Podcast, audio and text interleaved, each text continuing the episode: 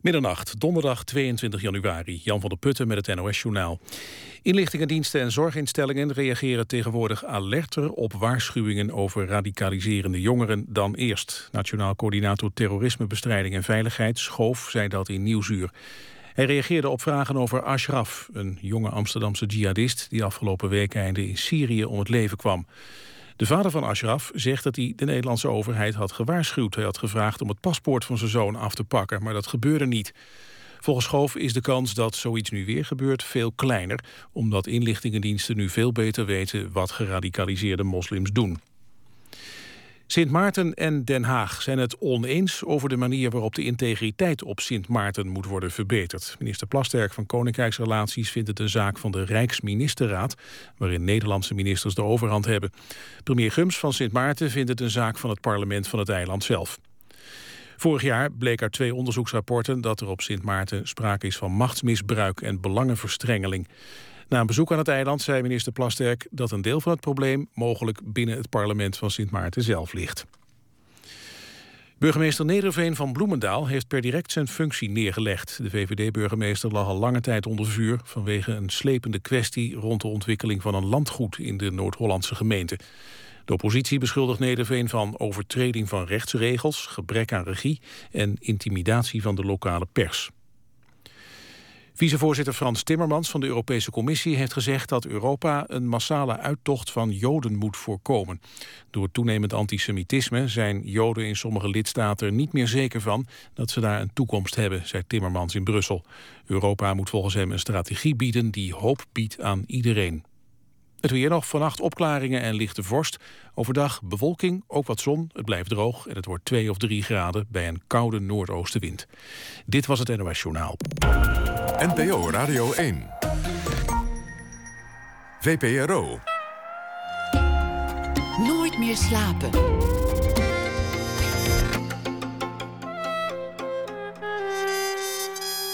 Met Pieter van der Wielen. Goedenacht en welkom bij Nooit meer slapen. Peter Pontiac is overleden. Hij is uh, illustrator en striptekenaar. Kort geleden spraken wij hem in dit uh, programma over zijn aanstaande dood, over het leven. We herdenken hem na één uur. Het bizarre is dus dat mijn werk en mijn uh, leven nu helemaal is eigenlijk één ding nu. Betekent ook dat ik als ik bepaalde medische tegenslagen of zo heb meegemaakt, dan kon ik altijd nog denken van... ah, maar dat is een goede troef voor in mijn boek. Goede pagina wordt dat, weet je wel. Dat soort, dus dat, uh, dat had ook nog eens een heilzame werking. Peter Pontiac. Na ene gaan we het ook hebben over plagiaat. Want het lijkt wel alsof uh, dat woord ineens weer overal opduikt. Drie kwesties uh, te bespreken. Maar we beginnen met uh, Tekla Reuten. Atlantic is de titel van de film die zaterdag in première zal gaan op het filmfestival in Rotterdam. Over een surfoord in Marokko en de toeristen versus de locals. Het wordt een druk jaar voor Tekla. L'Angelo di Sarajevo is de titel van een Italiaanse serie die gisteren voor het eerst werd uitgezonden op de Italiaanse televisie, op Rai Uno. Binnenkort de film De Reunie, naar een boek van Simone van der Vlucht. Nog meer films, uh, nog meer series komen er ook aan. Heel veel werk. Tekla Reuten werd geboren in 1975 en heeft een buitengewoon internationale carrière als actrice. Ze speelde met beroemdheden als George Clooney in Amerikaanse films. Ze speelde ook in Italiaanse films en series, in Duitse televisieseries, Britse producties en natuurlijk ook nog in Nederland. En uh, eigenlijk ja, alles gedaan wat een mens zich kan, uh, kan voorstellen. Welkom, uh, Teka. Dankjewel. Je, um, je vader was priester. Ja, dat klopt. Dat is opmerkelijk, want, want als je vader priester heeft, dan heeft hij een gelofte moeten schenden om jou geboren te kunnen laten worden. Ja, maar, maar niet in zijn hart. Voor hem was de liefde tussen mensen, tussen man en vrouw, nooit in tegenspraak met, uh, met wat hij in ieder geval in zichzelf uh, aan verbinding met God voelde. Dus voor hem was dat eigenlijk nooit een tegenstelling, maar inderdaad, volgens de, volgens de regeltjes, en zeker toen, dat was in de jaren zeventig, uh, was er een clubje priesters die allemaal eigenlijk daarmee ook, ook, ook in verbinding met elkaar daarmee bezig waren. Huub Oosterhuis is onder andere ook uit die tijd. Ja, dat was toen helemaal wel echt inderdaad buiten buiten proportie en buiten wat gangbaar was. Is er dan een soort procedure voor? Hoe doe je dat als je als priester uh, verliefd wordt en een vrouw ontmoet of, of iemand zwanger maakt? Hoe, hoe, pak je dat dan vervolgens aan? Nou, hij is eerst verliefd geworden. Wat dat betreft ging dat wel een goede, goede, goede volgorde. ja. Um, nou, ik, zou, ik heb dat hem nooit gevraagd hoe dat procedureel uh, gaat. Maar uh, ik, ik kan me wel voorstellen dat daar, uh, daar gaat natuurlijk wel ook in, bij in hem is er natuurlijk zeker een heel proces aan vooraf gegaan. En ook bij mijn moeder. Want het was ook uh, voor het, in het gezin van mijn moeder, een, een Italiaanse rooms-katholieke gezin. Was dat nou niet het eerste waar uh, haar ouders aan gedacht hadden, zal ik maar zeggen. Dus um, ik weet wel dat dat zeker heel veel voet in de aarde heeft gehad. Ook gewoon tussen hun. Om, en, en ja, om daar echt voor te gaan staan. En dat is ook waar ik als dochter later, toen ik dat meer en meer begreep, heel veel respect voor kreeg. Dat ze echt zo voor elkaar en voor de liefde hebben gekozen tegen toch uh, de maatschappij om hun heen in. En um, ik weet dat hij ja, uit het ambt is gezet, maar hoe dat, hoe dat precies, precies gaat. En dat hij daarna in allerlei gemeenten nog welkom was om toch te komen preken. gemeenten die ook ja, vrijzinnig gedachten. En net als hij heel erg actief waren voor vrouwen in de kerk, voor uh, homoseksualiteit, voor gelijke rechten voor mannen en vrouwen. En dat is waar zij toen al heel actief mee bezig waren. En nou, ben ik ook wel echt trots op dat hij dat al zo vroeg meedroeg. Zeker nu we toch wel heel veel ontmaskering ook van uh, allerlei, juist die regels en juist die bureaucratie in de katholieke kerk. Ja, het was ook wel de, de, tijd van het, van het vrijvechten. Um, je, je, vader is al een, een tijd dood. Ja. Die, uh, jij was 23 toen hij toen ja. overleed. Wat was, wat was het voor uh, sfeer, wat was het voor nest eigenlijk waar je vandaan kwam? Een Italiaanse moeder, een, een vader die nog wel uh, in, in, God geloofde, maar niet meer dat ambt uitoefende. En, en dan die liefde waar ze voor hadden moeten knokken. Waar jij dan uit voortkwam. En niet alleen jij, want ze hebben, ze hebben meer kinderen op de wereld gezet. Nou ja, in ieder geval, het, het, de fundering is heel bewust gekozen. Dus in die zin een heel bewust bij elkaar gekozen. heel bewust voor hun voor kinderen gekozen en voor elkaar. En ik geloof dat ja, bewustzijn en, en uh, naaste liefde en uh, ja, warmte naar elkaar toe. En het hele familie, de familie, wat ook heel erg uit de Italiaanse kant, maar ook uit mijn Limburgse vaderkant. Hij had twaalf broers en zussen. Een hele grote familie. Um, ja, een heel warm nest en met heel uh, ja, veel aandacht voor mensen zijn en voor je, jij, jij ten opzichte van anderen en, en in de maatschappij. Wel heel maatschappelijk bewust ook. Ja. Geëngageerd, dat heb jij ook wel. Geëngageerd, ja. Ja, ja want, want uh, je kwam hier binnen en ik, ik drink altijd zo'n plastic flesje tijdens een uitzending. Jij zei er helemaal niks over. En ik bood jou een plastic bekertje met water aan. Ja. En, en ik bedacht me ineens dat ik had gelezen dat jij strijdt voor groenere filmsets en, en voor minder plastic op de set. En dat je ja. probeert om dat overal te beperken. Dat lijkt me toch echt een goed idee voor de studio hier, toch? Nou ja, één zo'n flesje per dag. En dat zijn uh, hoeveel van die afleveringen? Ja. 200, 250 per jaar. Dat zou je in één vuilniszak moeten stoppen. Ik zal de Dopper uh, family eens bellen. Zo'n uh, zo'n hervulbaar flesje. Ja, hervulbare fles. Of ja, toch bijvullen. Ja, het, het kan heel, tegenwoordig heel makkelijk anders. En het is niet nodig om in die zin zoveel plastic te gebruiken. Hoe doe je dat op zo'n set eigenlijk? En is in Holland fantastisch. Ja, nou ja, ja. Show Fontaine is niet te drinken, dus dat komt goed uit. Maar um, hoe, hoe, doe je dat eigenlijk op zo'n filmset? Ga je dan naar de producer toe en zeg je van... ik heb alweer zoveel plastic flesjes geturfd? Of, of nee, nee helemaal niet. Nee, het, is, het is gewoon heel, heel uh, grappig hoe dat begonnen is. Ik, ik was zelf... Ik was helemaal niet zo groen, vond ik. En ik was alleen wel, net als volgens mij heel veel mensen... heel erg liep ik met vragen rond van ja, hoe, hoe kan ik eigenlijk in godsnaam iets bijdragen? En heeft het zin als ik mijn afval scheid? En doen ze dan ook daarop die hopen wel echt scheiden? En uh, ja, tot in het grote van is nou een tweedehands auto beter? Of uh, en zijn die elektrische? Alles, je hebt zoveel nieuws en zoveel informatie. Die heel vaak ook niet te rijmen zijn van wat nou echt goed is en echt helpt. Dus daar liep ik met heel veel vragen over rond. En ook op de set inderdaad. Ik kwam wel dingen tegen dat ik dacht, ja, is toch een beetje overdreven. Met name een heel praktisch voorbeeld is dat je trailer altijd, als het heel koud is ergens of heel heet, staat eigenlijk altijd te loeien met de airco. Dat is gewoon ingesleten dat je zo'n zo'n manager van zo'n trailerkamp... die moet service bieden aan de acteurs. Dus het moet cool zijn of warm zijn. En dat staat altijd aan. En ik zet dat, dat dan uit. Want ik zat soms drie uur daar niet in. En dan kwam ik terug en dan was hij gewoon uit service weer aangezet. Heel goed bedoeld. Maar ik, ik merkte ook dat als ik dan ging zeggen van doe dat maar niet... dat was allemaal heel lastig. Het was heel ingesleten. En zo zijn, dat is eigenlijk een soort voorbeeld... voor heel veel ingesleten systemen. Ja, in, in het setleven en filmmaken... dat is gewoon iets wat nu decennia al gewoon een bepaalde... Uh, ja, stroom heeft, zou ik maar zeggen, en bepaalde ingesleten dingen, routes. En ja, voor, het geldt voor alle bedrijven en allerlei uh, sectoren dat je gewoon soms met alles wat we nu weten, het moet herdenken van goh, is dit nog wel steeds de e- meest efficiënte manier om het te doen? Je kan ook heel vaak geld besparen. Uh, en is het ook wel uh, uh, de meest sustainable manier om het te doen? En toen kwam Strawberry Earth en de Green Filmmaking Project gewoon met de vraag of ik de ambassadeur wilde. En ik zei van ja, ben ik wel groen genoeg? En toen hebben we eigenlijk juist heel erg de insteek genomen van dat ik met hun mee ging pionieren met ook al die makers die dat zijn aangegaan. Om te kijken, ja, wat kom je nou tegen en wat kan er? En nou, water is dan echt wel de eerste, allermakkelijkste bruggetje om te nemen, zou ik maar zeggen. En we hebben daar heel veel praktische dingen echt op de set ontdekt. En uh, um, het heeft geresulteerd in een heel mooi resultaat. Dat we aan, aan het eind van het drie jaar heeft het Filmfonds, die ook partner werd. Um, die hebben nu een sustainability manager ingehuurd. Waarvan we ook hebben ontdekt dat dat eigenlijk de beste weg is voor ook bijvoorbeeld een studio hier. Om, mm -hmm. Want we willen ook zeker in de televisiewereld dat nog meer en radio, dat we allemaal, gaan allemaal mee. Um, er moet iemand zijn die dat echt gewoon als apart beroep even en als aparte opdracht echt gaat investigaten, zeg maar, wat er, wat er kan. Het is heel moeilijk, zeker met een film. Dat is, er is altijd tijd enorme producties, hè? Dat is, ja, altijd ja. tijdgebrek, altijd geldgebrek. Dus je moet iemand hebben die dat ook van tevoren al begint. En nou, dan, het is in ook gewoon al zo wereldwijd is dat nu ook aangeslagen. Spider-Man is net helemaal ook weer met de sustainability coach gemaakt. Er valt gewoon heel veel te behalen. En film is heel mooi omdat het een, altijd een klein biotoopje is een film is altijd een soort ad hoc office ergens op een plek. En soms ook nog hartstikke midden in de natuur. En je hebt uh, met alles te doen. Mensen moeten eten, er moet elektra zijn, er moet licht zijn, er moet make-up zijn en kleding. Uh, uh, alles bij elkaar.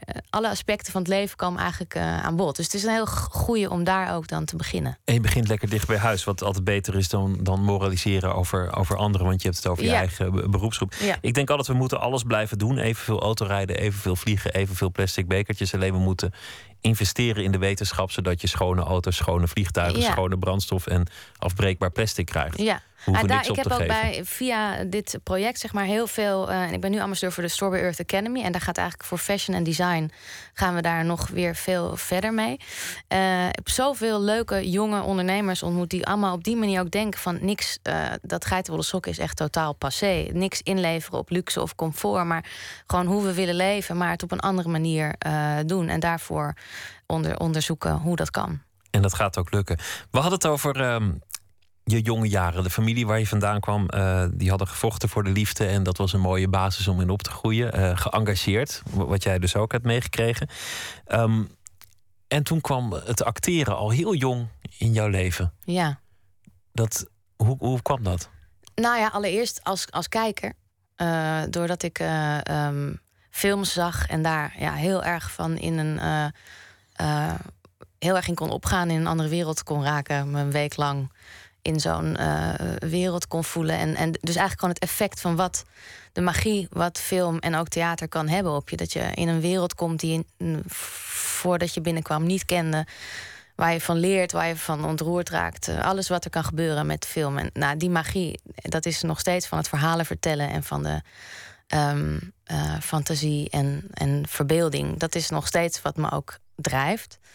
En dat is heel vroeg begonnen. Ja, door naar films mee te worden genomen en door het op tv ook te zien. En ik ging al best wel vroeg naar het theater. Ja, want uh, jouw neef was, was Jeroen Willems. Ja. Die ja. Uh, helaas een paar jaar geleden is overleven, overleden. Maar ja, een, van, een van de beste acteurs die, die wij in onze tijd hebben meegemaakt. Dat is niet alleen ja. iets wat ik zeg, maar dat is eigenlijk gewoon wel een algemeen aanvaarde mening ja. van, en van mensen in dat in vak. Nederland. Ja. Daar is iedereen het eigenlijk wel over eens. Een heel groot acteur. Ja. Uh, hij was een neef van jou. Wil dat dan zeggen dat. Uh, Ik hem ging zien, ja. maar hoe zit dat dan in de verhouding? Want neef, dat kan zoveel betekenissen hebben. Hij is de uh, zoon van uh, de zus van mijn vader. Juist, gewoon ja. een, een ja, neef, neef en nicht. Ja, ja.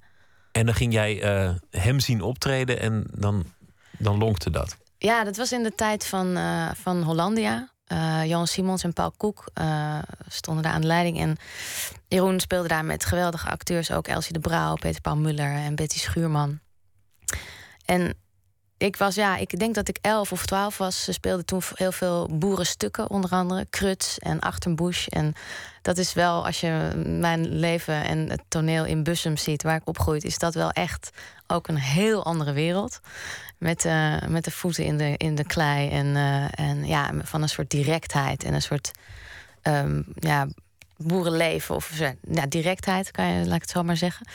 En um, ik herinner mij dat mijn ouders terugkwamen een keer van een, van, van een theateravond. En ik was niet mee geweest. En ze vertelden daarover. En toen dacht ik, nu ga ik nooit meer niet mee. Want ik, vond, ik was zo onder de indruk alleen af van wat mijn, wat mijn moeder vertelde.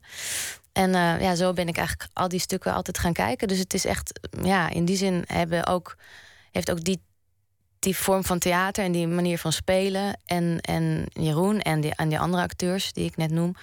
Um, en ook dus die regies en ook dat, hoe, dat was theater op locatie in, in fabrieken of in uh, oude kerkjes. Uh, waar je soms hele halverwege het stuk weer naar een andere verdieping liep om weer de volgende acte te zien. En ja, nog steeds zijn dat echt hele geweldige herinneringen. Ook gewoon echt theater waar ik echt van heel erg van hou nog steeds. En ik, ja, ik heb daar toch. Um, dat heb ik hem toevallig vlak wisten we natuurlijk niet, maar vlak voor die. Uh, helaas doodging, nog geschreven. Dat me echt gepreekt. We hadden wel eens Duitse woorden en omdat hij ook veel in Duitsland werkte. Het heeft me echt gevormd. En zijn spel ook. En, uh, en wat ik daar zag, ja. Het merkwaardige met acteurs is dat je, dat je soms uh, acteurs kent die, die in het dagelijks leven zwaar op de hand zijn. Die, die, die tobben met het leven, maar eigenlijk altijd in, in een comedy spelen. Bij jou precies andersom de indruk. Dat, dat je eigenlijk een heel licht, bijna springerig vrolijk persoon bent. Maar dat je, dat je heel vaak wordt gecast voor zware rollen. Rollen waar drama in zit. Mensen die een mhm. geheim met zich meetorsen. Ja, het is wel grappig omdat het net ging over dat geëngageerd. En ik heb daar ook een heel uh, wel dubbel gevoel mee, bij. Want ik heb me daar wel. Um, aan de ene kant is dat natuurlijk sowieso. Ik bedoel, je wordt geboren, hoe je wordt geboren en waar, waar en in welke omstandigheden. Je krijgt mee wat je meekrijgt. Maar ik heb ook met die geëngageerdheid en met dat grote vuur van ik moet iets doen in de wereld, wel moeten vechten. En ik ben heel blij, want het zat me op een bepaalde manier ook wel. Het was zo, ik was zo serieus toen ik van de toneelschool kwam. Ik had zo het gevoel dat ik uh, echt een enorm ei moest leggen waar dan de wereld beter van zou worden. En de, het was heel goed om daar ook de desillusie over te krijgen van dat dat niet altijd hoeft, niet altijd kan en dat het ook helemaal niet zo makkelijk is. Dat dat dus, echt... dus zoals ik jou nu zie, ben je eigenlijk heel anders dan je, dan je in der tijd was. Je bent nou, nu ik ben heel blij. Dat is wat ik wilde zeggen. Ik heb, ik heb gelukkig een bepaalde. Uh, zwaarte of een soort moeten wat daarachter zat, heb ik wel in de loop der jaren gelukkig heel erg kunnen achterlaten. En echt daar. Dus ik heb nu veel meer. En daarom, grappig genoeg, komt ook nu wie ik ben steeds vaker dichter bij, um, bij ook rollen. En, en zit er veel meer lichtheid in. in, in in Duitsland heb ik toevallig een soort een comedy gedaan. En volgend jaar staat daar weer uh, iets heel lichtvoetigs gepland. En um, ja, dat, dat voor mijn gevoel komt dat veel meer in balans. Want ik, ik snap heel goed het beeld wat je zegt. Mhm. En dat klopt ook. En uh, ik denk dat ik dat ook dus aantrok en ook graag wilde. En nu is daar wel meer balans in. Omdat ik voor mijn gevoel. Uh, ik omarm ook veel meer de lichtheid in het leven zelf, denk ik. En ik, ik besef ook veel meer. Ik denk dat ik toch. Ik heb, ben ja, gewoon heel. Um, hoe noem je dat? Uh, um,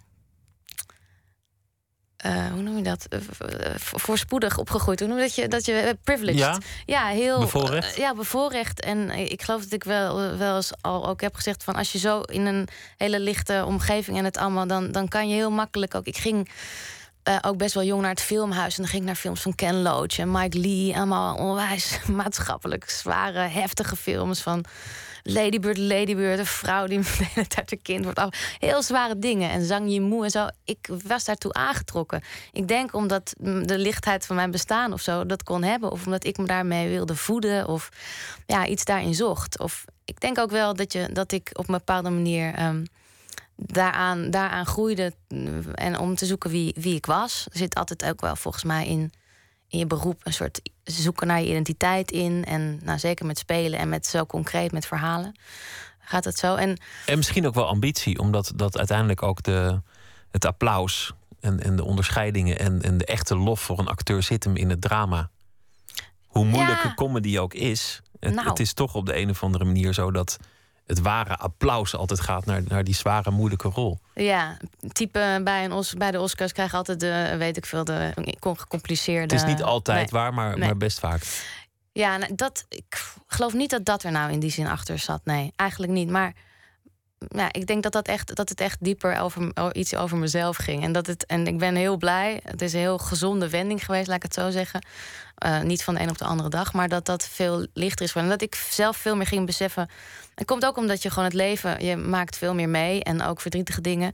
Dat je beseft ook wat de ongelofelijke uh, waarde is van, van, van comedy, van, van Chaplin. Van, uh, dat mensen uh, die ziek zijn soms keer op keer naar diezelfde films kijken om gewoon te lachen, omdat het zo goed doet. dat ben ik heel erg gaan, gaan zien en, en daardoor ook daar veel meer interesse in gaan tonen.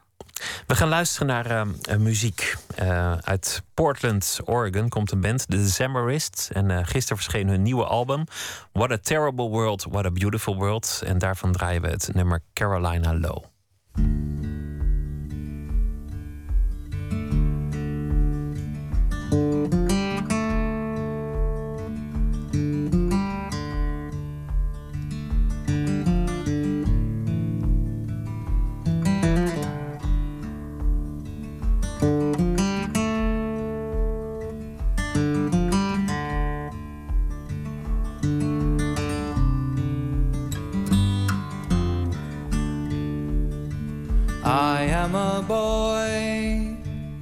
The high country, and I got a little love for the offering. I come down from the mountain, bow to the sea. In Carolina low, I will carry thee.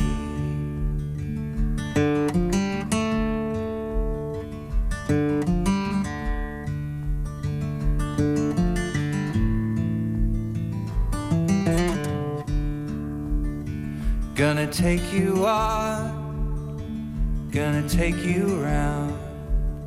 Though your poor little pant legs all dragging down. Did you crack your leg? Did you skin your knee? In Carolina low, I will carry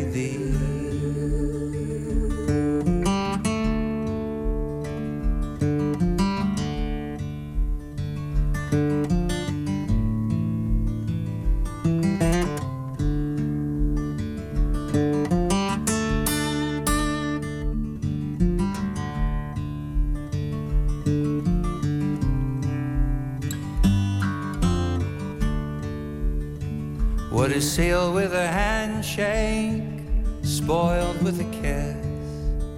You got an ugly little mouth, boy, and it's come to this. I'm bound for the hilltop, gonna make it bleed. In Carolina low, I will carry thee. I am a boy from the high country and I got a little love for the offering, and I got a little love for the offering, and I got a little love for the offering.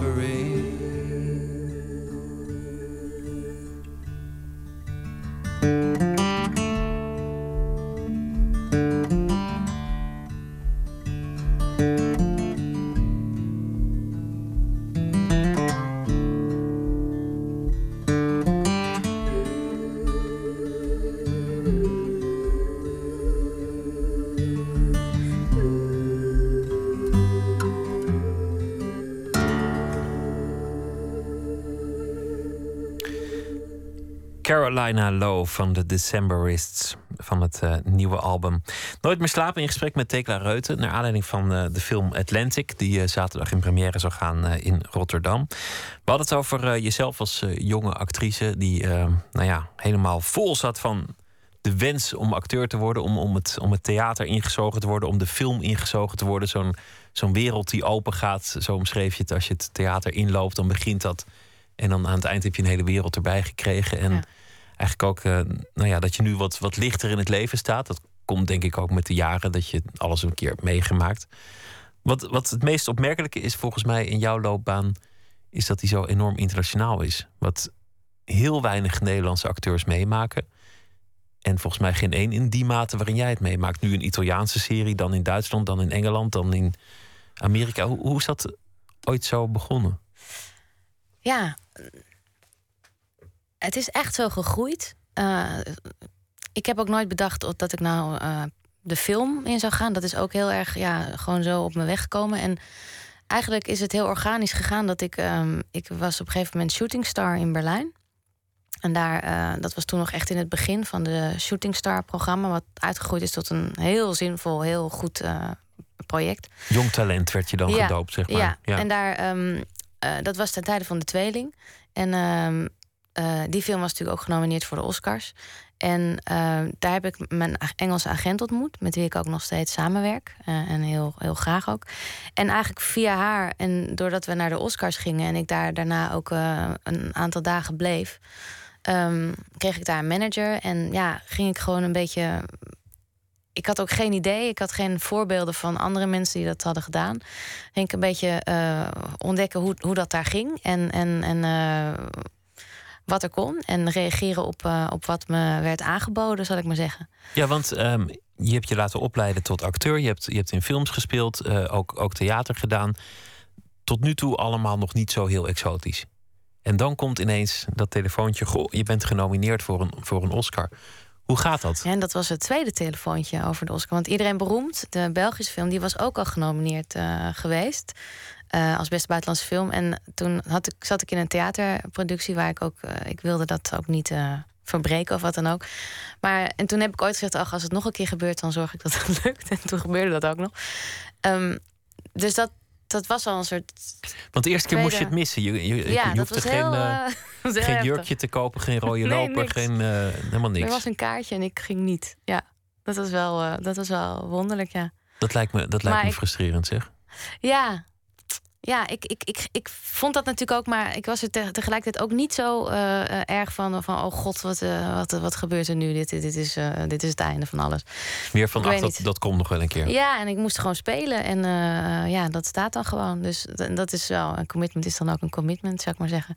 En ja, het, het was eh, ehm, eigenlijk heel goed, denk ik, achteraf, dat ik best wel snel al eh, een kijkje kreeg achter de, achter de roze wolk, zal ik maar zeggen. En achter de schermen van, van dat Hollywood, wat toch absoluut op een heel groot ehm, een soort magie heeft en een, en een soort voetstuk staat. Het was dus heel goed om daar eigenlijk zo snel achter te kijken en te zien hoe, hoezeer dat gewoon echt een industry is. En, eh, en een enorme show. En hoe dat allemaal werkt. Dat, eh, dat heeft mij wel goed gedaan. Want dat haalt heel erg, heel erg dat zet je meteen heel erg op de grond. Ook eh, ja, van alle mechanismes en de persmachine en hoe dat allemaal werkt. En waar heeft dat je dan tegen beschermd? Dat je dat had gezien? Nou, het geeft je een soort realiteitszin. Dat je niet, eh, niet te veel gaat geloven in, in, die, in die wolk waar je soms, soms in raakt. Eh, Het zij door mooie omstandigheden of met. eh, ehm, dat het allemaal gewoon mensen zijn en die op een hele slimme en goede manier hard aan hun vak werken. En met, in, zeker in Hollywood, vaak hele grote eh possies en entourages en, en machines eromheen om, om dat hele bedrijf in de lucht te houden, zal ik maar zeggen. En als je dat wegdenkt, wat- blijft er dan over? Zijn, zijn dat kwetsbare mensen, bange vogeltjes of slimme zakenmensen? Hoe, eh, De, de acteurs de zelf. acteurs, want, want die zijn ook een Maar beetje een product van, van de dat zou ik niet durven zeggen. Dat, het hangt heel erg af van hun, van inderdaad, van ieders staat van zijn, hoe, hoe ze daarmee omgaan. Wat, ja, we weten dat sommige mensen er, er helemaal aan onderdoor gaan en andere mensen er grandioos, glorieus eh, doorheen gaan en hun hele, ja, heel erg hun authentiek, authenticiteit kunnen behouden. Dat, dat, dat hangt heel erg af van hoe je daarin staat, denk ik. En Maar goed, je had het gezien, dus je wist in ieder geval dat- er, dat er valkuilen waren. En, en ook dat het allemaal ja, niet dat zo het een soort eh, onderne- dat het echt onderneming is ook. Dat, ik zat natuurlijk ook heel erg toen zeker ook weer nog in de hele ja, vanuit de kunst erin en de ideale kant. En, en het, is, ja, het is wel goed om te zien, was het om te zien, zeker dat film. eh, en zeker daar echt gewoon eh, ondernemen is en business. En dat je daar dus onderdeel van bent. En dat je daar niet in ver- vergist in die zin. Dat is alleen maar heel erg goed om te weten. Om realistisch te zijn. Maar hoe gaat zo'n telefoontje van, van de Oscar? Wie belt wie eigenlijk? Oh god. Of hoor je het van een journalist? Nee, nee, nee. Ik heb dat denk ik toen wel echt van, van, ehm, van de producent gehoord. En, en van Ben, de regisseur. Ik, ik zou het eigenlijk niet meer weten. Dus dat heeft ook niet zo'n enorme indruk weer gemaakt dan. toch? Nou jawel, maar het- ik, ik ben, ik ben dat, nee, dat heeft hier niks mee. Ik, ik, ik ben daar helemaal niet goed in. Ik, kan, ik vergeet echt eh, dat soort dingen heel, heel makkelijk. Alleen het, het gevoel behoud ik. Een Oscar is dus wel degelijk een, een, eh, een, een vehikel om het internationaal. eh, om in, in internationaal voet aan de grond te krijgen. Dat heeft je geholpen, eh, zei je net. Ja, een kijkje in de, in de keuken daar te krijgen en, en dan te kijken. Ja, want je kan zomaar weer met hangende pootjes terugkomen en, en er komt niet zoveel uit. Het is voor soms voor regisseurs ook heel moeilijk. Die moeten ondanks hun grote talent dan jarenlang en uiteindelijk komt er of niks uit of, of godzijdank toch een film.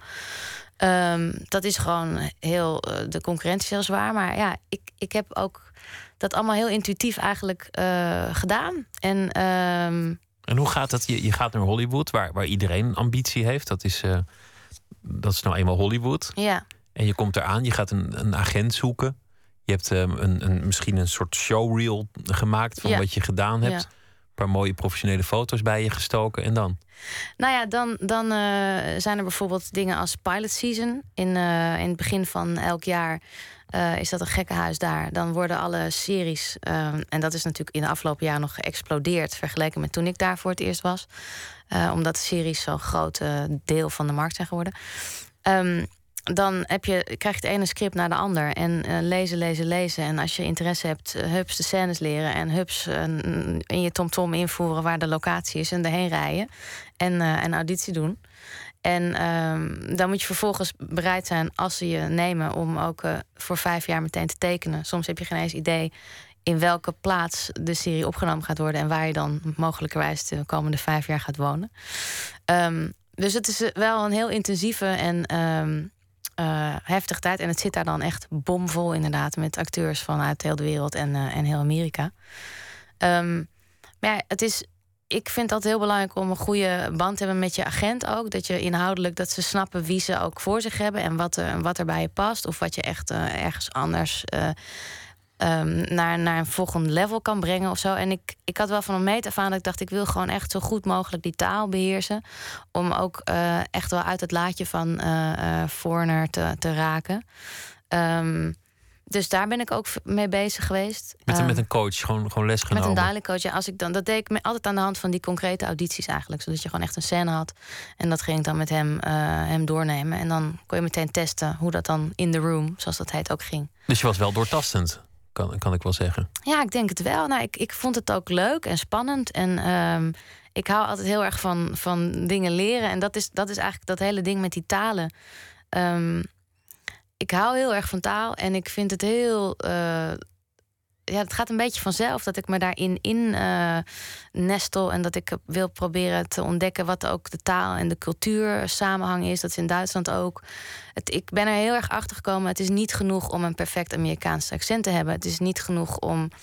ehm, eh, ja, het is al heel wat, laat ik het zo zeggen, om, om foutloos of accentloos Duits te spreken. Maar ja, je moet ook snappen waar je bent en, en wat de cultuur is. En ook weet ik inmiddels dat, ook al spreek ik perfect Amerikaans, ik zal nooit Amerikaanse zijn. Dat is iets heel anders. Net als dat, eh noem iemand als Chris Thomas of zo, die blijft heel Engels. Eh, er, is iets, er is iets wat je eh, wat echt pas komt als je daar jarenlang woont op de een of andere manier. Maar toch liet je je niet imponeren. En, en dat is, misschien is dat wel ook wat je bedoelde met goed ook die Oscars had gezien, goed ook aan de andere kant van de, van de bubbel had gestaan.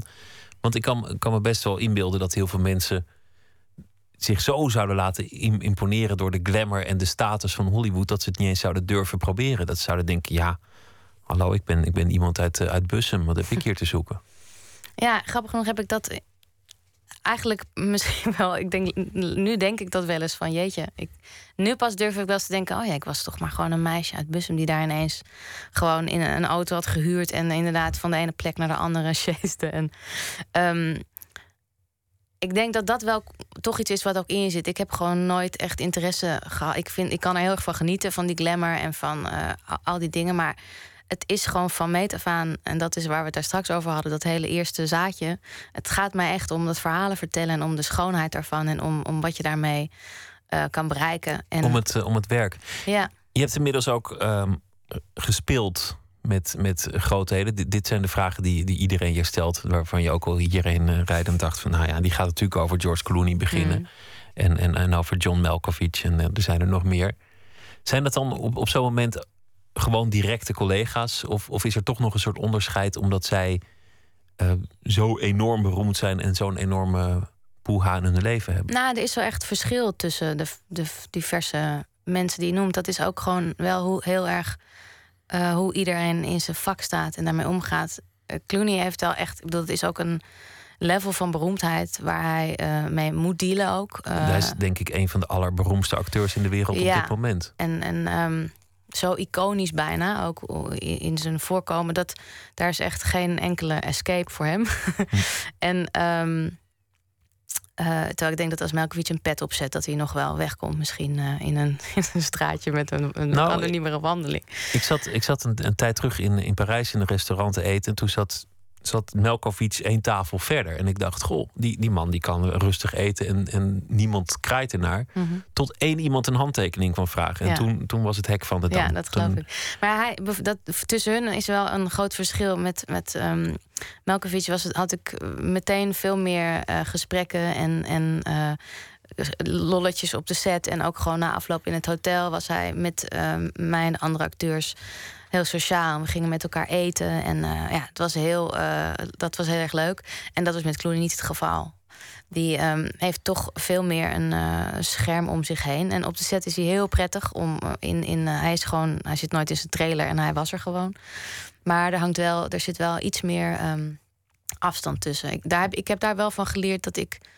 Um, een volgende keer met een dergelijke ster daar, ik heb daar wel iets, iets te weinig. Ik had daar wel iets meer een, een, een, poging willen wagen om daar iets meer doorheen te komen. Het mooiste moment eigenlijk met hem, dat heb ik al wel eens verteld, maar dat was een scène die we, dat we die steeds opnieuw moest, een stuk dat we aan moesten komen rijden in de auto. En hij is ontzettend, hij is zo begaafd met praatjes en, en anekdotes en, en, en kletseretten. Maar in de auto ik besloot ook gewoon om helemaal niet, niet een gesprek te zoeken. En dan hebben we eigenlijk vooral zitten zwijgen. En dat was eigenlijk, voelde ik me daar, daar eigenlijk het dichtst bij hem. hij liet het ook maar even gaan. En gewoon uh, die takes heen en weer rijden. En uh, in een prachtig landschap. Het was eigenlijk. Dat was, in de bergen ja. in Italië. Het was Ja. een film van uh, Anto Corbijn, The Ja. American. Jij werd op een gegeven moment ook aan het eind doodgeschoten en viel Nou. van een balkon. Het is een Had oude film, dus ik, ik mag het einde eh, vrijgeven. Ja.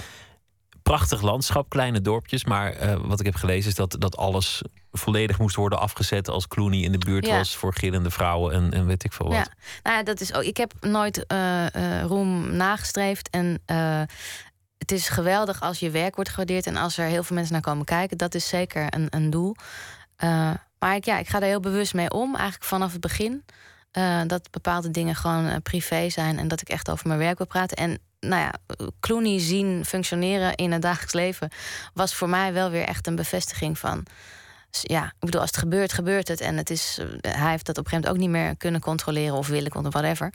Maar dat eh, is echt eh, heel pittig. Dat is echt een job. Hij heeft echt een bedrijf ook om zich heen om te zorgen dat hij überhaupt rust kan hebben soms. Maar wat is glamour? Dat vroeg ik me laatst af. Wat, wat, dat is een goeie. wat is het eigenlijk? Volgens mij komt het wel van iets met, met glimmend. Maar wat is het? Is de, is de belofte van een wereld eh, waar alles mooier is, waar geen zorgen zijn? Of is het. Is ik het denk dat het wel een droomwereld is, ja. De droomwereld eh, waar, waar hard aan gewerkt wordt om die ook voor, voor de mensen in stand te houden. Mensen willen graag. Dat heb ik ook echt wel moeten leren. Want wij houden sowieso in Nederland wel veel van. En in Europa meer van de realiteit laten zien. En eh, ehm, ja, ik, het is, was voor mij wel een besef. Ja, maar mensen willen echt dromen van, eh, van per- perfect uitziende mensen en mooie kleding en mooie mensen. eh, nou ja, niet iedereen groeit inderdaad op in geprivileerde omstandigheden. En dan vinden mensen het heerlijk om, naar, om te kunnen dromen van zo'n wereld en te zwijmelen, al die dingen. Maar ook om het dan, dat is de keerzijde, om het te ontmaskeren. Dat vinden Ja. mensen ook heerlijk. Ja, om dan die droomwereld kapot te slaan en, en te zeggen van... eh, oh, nou zie je echt scheiding, drugs. Het is, het is allemaal niet zo mooi. Ja, ja, ja. ik vind Dat het echt een de wonderlijk fenomeen. Ja. ja, dat is het ook. Zelf doe je er niet aan mee in, in je eigen leven, heb ik de indruk. Ik geloof niet dat jij heel erg de, de feestjes afloopt... of op de Nee. rode loper plakt. Of, eh, Nee. Nou, ik heb heel snel eigenlijk besloten, en ook, eh, ja, ik noem het toch maar intuïtief of zo. ehm, dat je dan wel dat je consequent moet zijn. Als je, als je bepaalde dingen niet, niet wenst, dan moet je ook op een bepaalde manier handelen. En niet, eh, je kunt niet alle, allebei hebben, zou ik maar zeggen. Je kunt niet inderdaad overal maar rondlopen en dan niet eh, verder niet te veel gezien willen worden of zo. Maar ga je wel naar de feestjes en neem je de achterdeur of, of ga je ook gewoon niet? Nee, ik ga, ik, nee, ik ga niet eigenlijk. Ik ga weinig. Eigenlijk, ja. Ja. ja. Nou ja, in, in Nederland heb ik natuurlijk ook wel gewoon de luxe gehad dat ik. Ik was gewoon. Ik bedoel, dat besef je ook heel erg als je in Amerika komt. Uh, als, als je daar zegt dat je acteur bent, dan uh, zeggen ze: And what is your survival job? Uh, met andere woorden, ik bedoel, dat, dat voor hun om te horen dat ik na mijn toneelschool gewoon aan het werk ben gegaan en er sindsdien van leef en nooit een ander soort baantje heb gehad, dat is een soort dat is iets ongelooflijks. En dat is daar heel veel moeilijker voor heel veel mensen.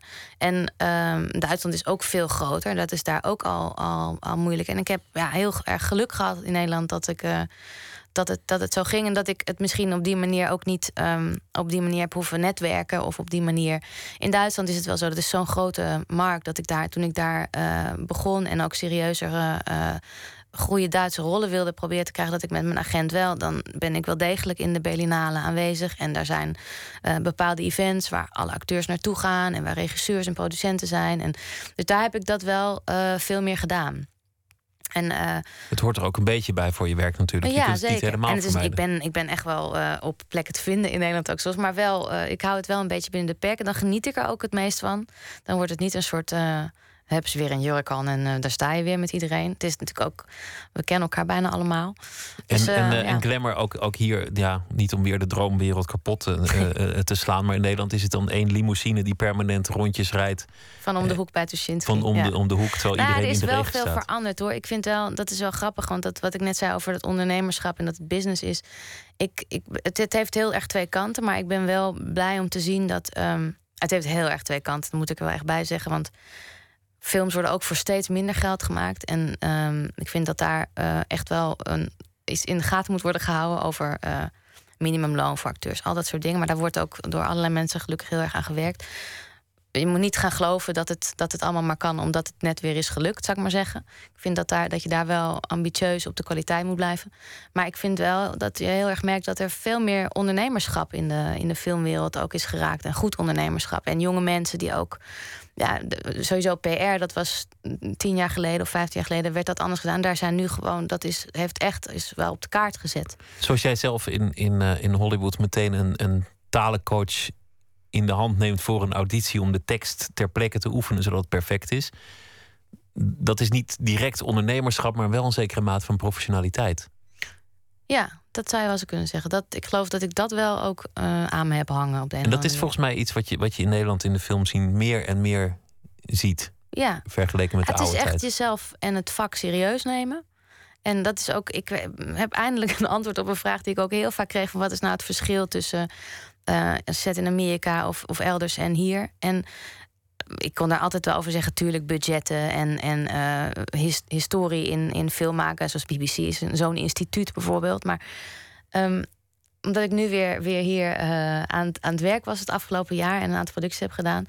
Um, op sets in het buitenland is het, is het serieuzer en stiller. Tuurlijk worden ook wel een beetje grapjes gemaakt, maar dat is in Nederland nog een beetje.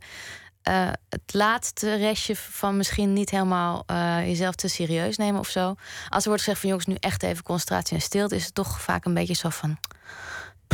Een beetje overdreven of zo. Terwijl dat is. Ja. ja, en het, wordt heel, het is heel gezellig vaak. En er wordt ontzettend veel gelachen en, en lol gemaakt. En dat hoort ook heel erg bij iets maken. Want daar uit die ontspanning ontstaan ook gewoon hele goede dingen. En kun je weer juist goed aan het werk. Maar er is, daar is wel een soort. Uh, het is wel. Uh, ja, het is iets, iets strakker en serieuzer vaak. Maar goed, ook dat is wel hier aan het. Uh, dat hangt ook gewoon per productie af. Maar.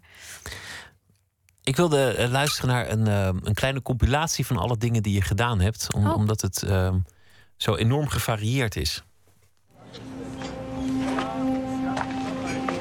This is the restaurant you're taking me tonight. Eight o'clock. Wow. If you can find it. Ik heb zoveel brieven geschreven. Anna, waar ben je? Anna, schrijf nou terug. Kijk niet, ik maakt de foto? Ja. Hij wil op het bed gehuild heeft. want we moesten praten over onze kinderen. The weapon must be fairly light and compact. How compact? As compact as possible. An automatic rifle that fit inside a woman's purse. A small vanity case will be permissible. Au revoir. Au revoir.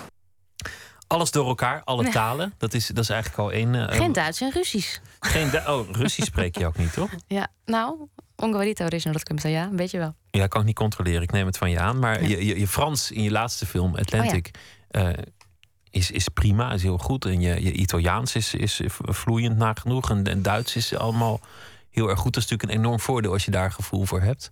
Ja, daar ben ik echt heel blij mee. Ja. Dat, eh, dat heeft echt wel mijn eh, wereld groter gemaakt. Zeker. Ja, dus nu een Italiaanse serie. En dan, dan deze film. Dat, het is een prachtig gefilmde film. Het, het, het camerawerk is heel mooi. Het gaat over een, zo'n surfstadje in Marokko... waar elk jaar een zwerm toeristen komt Ja. en weer weggaat. En ja, wie laat ze eigenlijk achter? Ze gaan om met de lokalen die ze toch in hun eigen wereld achterlaten. Er zit ook, ook een beetje een soort glamour-achtig, hè? Want die, die dromen van Europa waar Ja. ze niet snel komen. Een jongen die surft.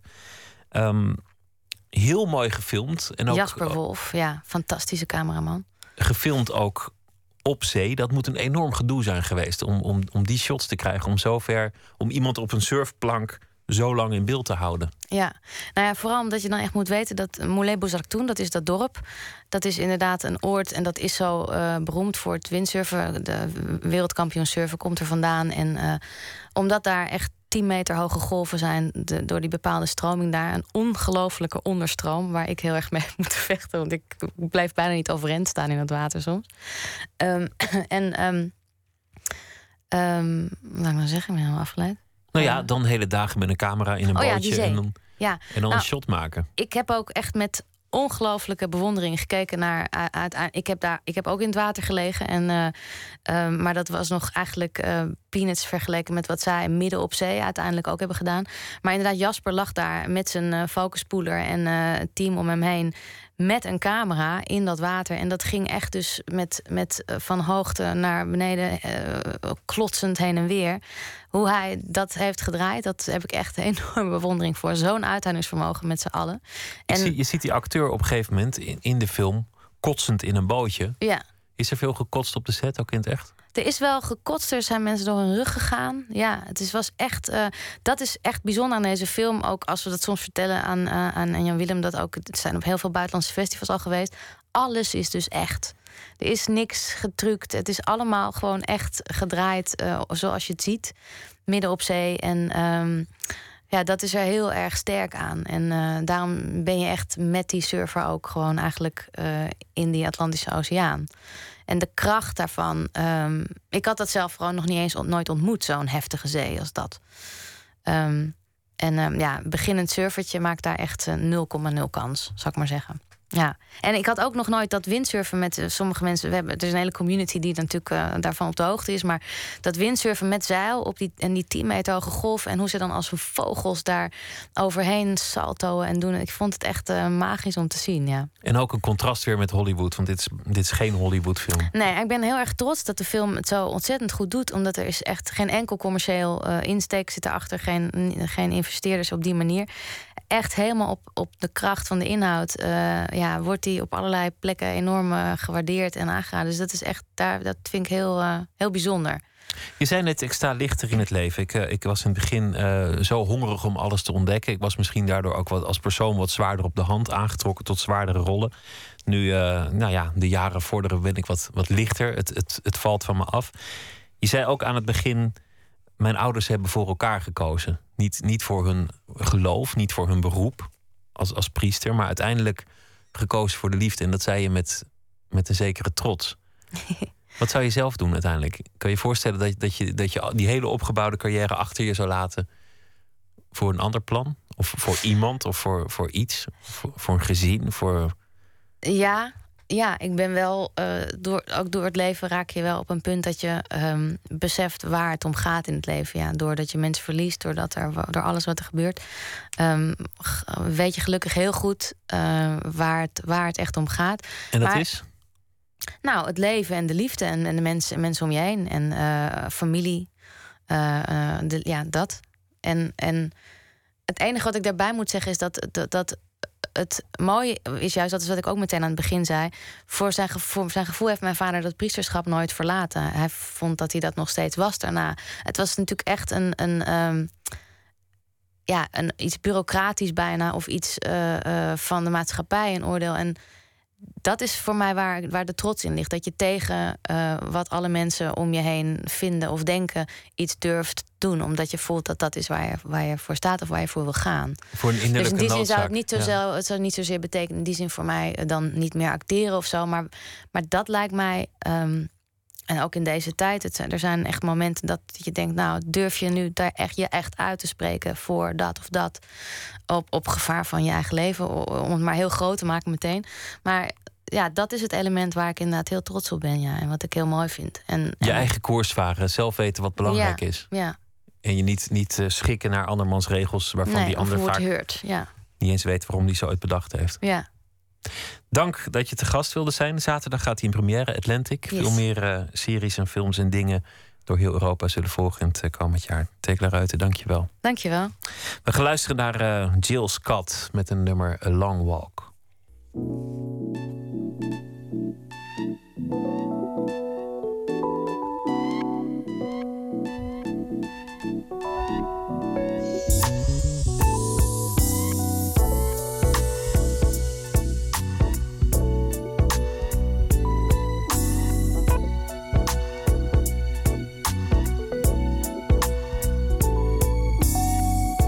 You're here, I'm pleased. I really dig your company. Your style, your smile, your peace mentality. Lord, have mercy on me. I was blind, now I can see what a king's supposed to be. Baby, I feel free. Come on and go with me. Let's take a long walk around Find a spot for us to spark conversation, verbal elation, stimulation. Share our situation, temptation, education, relaxation, elevation. Maybe we could talk about Surah 3118. Your background, it ain't squeaky clean shit. Sometimes we all got to swim upstream. You ain't no saint, we all a sinner. But you put your good foot down make the winner. I respect that. Man, you're so fat. And you're all that. Plus supreme. Then you're humble. Man, I'm numb, yo, with feeling. I can feel everything that you bring. Let's take a long walk around the park after dark. Find a spot us to spark conversation, verbal elation, stimulation. Share our situation, temptation, education, relaxation, elevation. Maybe we could talk about Revelations 317. Or maybe we could see a movie, or maybe we could see a play on Saturday. Or maybe we could roll a tree and feel the breeze and listen to a symphony. Or maybe chill and just be. Or maybe, maybe we could take a cruise and listen to the roots. Or maybe eat some passion fruit. Or maybe cry to the blues. Or maybe we could just be silent.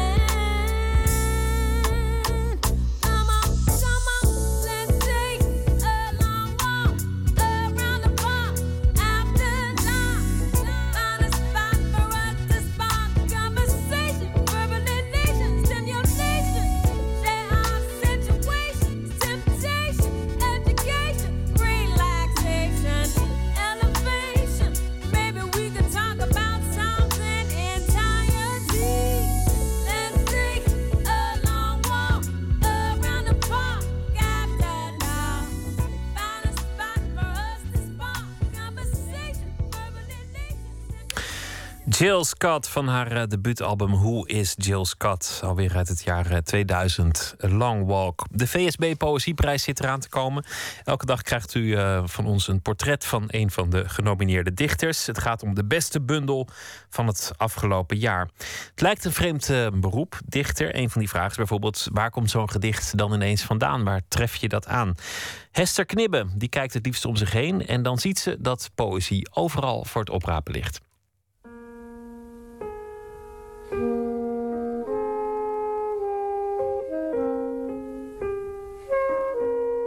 Ik ben een kijker. Ik kijk heel nieuwsgierig om me heen. Ik heb zelfs een keer, toen ik in eh, Spanje aan het wandelen was... zag ik zo'n hele familie, zo'n Spaanse familie... Oma, kamerbreed in het zwart en kinderen, kleinkinderen. Nou, dat was een schitterend tafereeltje. Dat ging ergens zitten picknicken. En dan kwam, er zo'n brood en dat snee oma dan zo met zo'n mes... een beetje zo nou, met het brood tegen de borst, zo met het mes. En uh, die kreeg een draai oor en van die werd een neus afgeveegd. En ik zat zo te kijken dat ze dachten dat ik honger had. Toen kwamen ze ook met een sneetje brood naar mij toe. Dus dat was buitengewoon gênant. Mijn man was ook helemaal niet blij daarmee. Maar uh, ik kan dus opgaan in het kijken. Het is een manier van kijken dus die eigenlijk uh, kan resulteren in gedicht. Dus ik ben nieuwsgierig naar de wereld om me heen. Ik ben wel elke dag uh, duidelijk bezig met die poëzie. Dat is nooit tegelijk af. Want je hebt iets geschreven en dan denk je van wauw, dat is het. Maar twee uur later denk je van hm, is het dat? En dan begin ik al te schrappen vaak en uh, dingen te veranderen. Bijvoorbeeld zo'n laatste regel. Laatste regels moet je altijd heel kritisch naar kijken, want die kunnen meestal wel weg.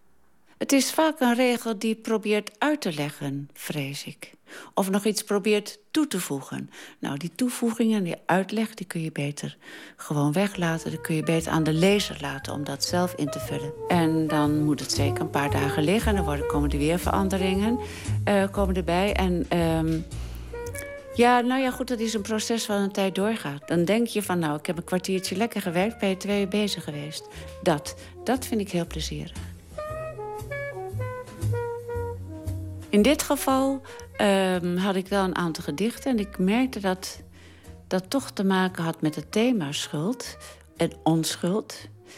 En um, toen hoorde ik op de televisie uh, die zaak van Sietske Haar, die zaak, die Keiwag, die vrouw die uh, haar kinderen gelijk na de geboorte ombracht. En in koffers op zolder bewaarde. Bizar natuurlijk, maar merkte dat ik uh, ontzettend medelijden had met die vrouw gelijk. Hè, van, is dat schuld? Wat gebeurt er? Maar ook wat gebeurt er in zo'n hoofd? Wat gebeurt er in een hoofd waardoor iemand ehm, misschien ineens van, van slachtoffer ineens dader wordt? Er zijn zoveel zaken die uh, ongrijpbaar zijn, die met je op de loop kunnen gaan. Dat vond ik zo aangrijpend. Ik denk dat dat een van de meest aangrijpende dingen is van mensen. Dat je met, je met de beste bedoelingen in je onschuld iets doet wat desastreus uitpakt.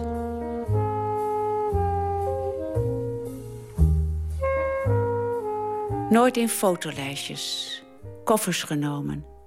Mijn jonkies daarin ondergebracht. Ze waren te levend voor vreemde ogen, te luid voor de stilte die rond mij verwacht werd. Ik heb ze voor tijden gered van gepest, doodstrap, uit het lood gemept. Want zoveel is zeker, leeuw en lam, dat gaat niet meer samen. Ik baarde vormfout op vormfout die ontvankelijk verklaarden... en even happen naar adem, terwijl mijn borsten oververzadigd... nee, moeder, nee, moeder, nee, begonnen te lekken. Bang verlangde ik mij vast te klampen aan noodzaak. Maar ik kon ze niet wegdoen. Daarom heb ik ze in die koffers bewaard. Want het is niet iets wat je zomaar aan de buitenkant draagt. Een t-shirt of broek die je zat wordt of slijt... En het is ook niet zoiets als nagels of haren die je afknipt. Wat je in je droeg, wil je niet kwijt. Vandaar dus die koffers. Een soort van op reis terug naar een ander baarmoederdonker. Wat moesten ze nog met licht in hun ogen dicht?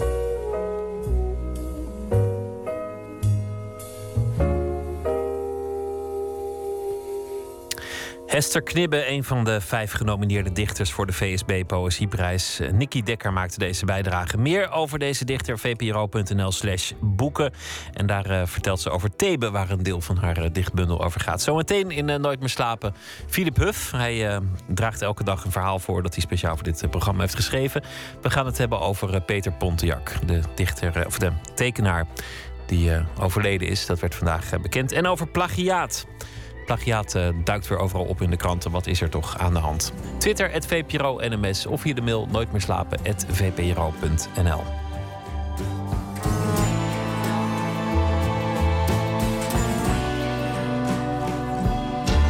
Op Radio 1, het nieuws van alle kanten.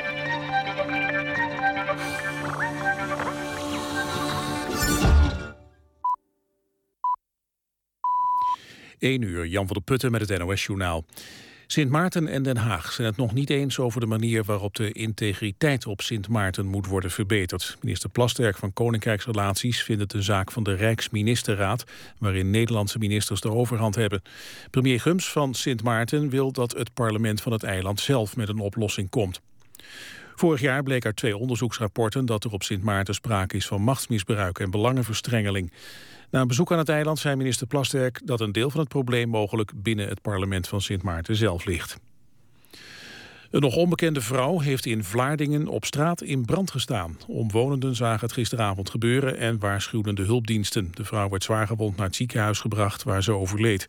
Of ze zichzelf in brand heeft gestoken is nog onbekend. Inlichtingendiensten en zorginstellingen reageren tegenwoordig alerter op waarschuwingen over radicaliserende jongeren dan eerst. Nationaal Coördinator Terrorismebestrijding en Veiligheid, Schoof, zei dat in Nieuwsuur. Hij reageerde op vragen over Ashraf, een jonge Amsterdamse jihadist die afgelopen week einde in Syrië om het leven kwam. De vader van Ashraf zegt dat hij de Nederlandse overheid had gewaarschuwd dat zijn zoon radicaliseerde. Hij wilde dat het paspoort van zijn zoon werd afgepakt, maar dat gebeurde niet. Volgens Schoof is de kans dat zoiets nu weer gebeurt veel kleiner, omdat de inlichtingendiensten nu veel beter weten wat geradicaliseerde moslims doen. In de VS is een uitnodiging van de Republikeinen aan de Israëlische premier Netanyahu uitgelopen op een politieke rel.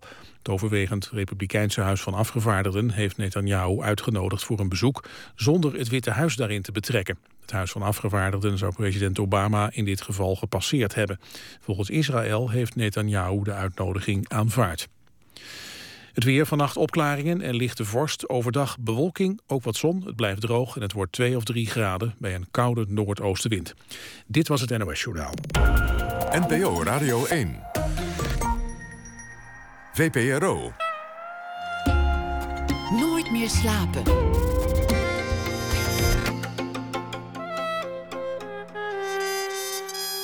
Met Pieter van der Wielen.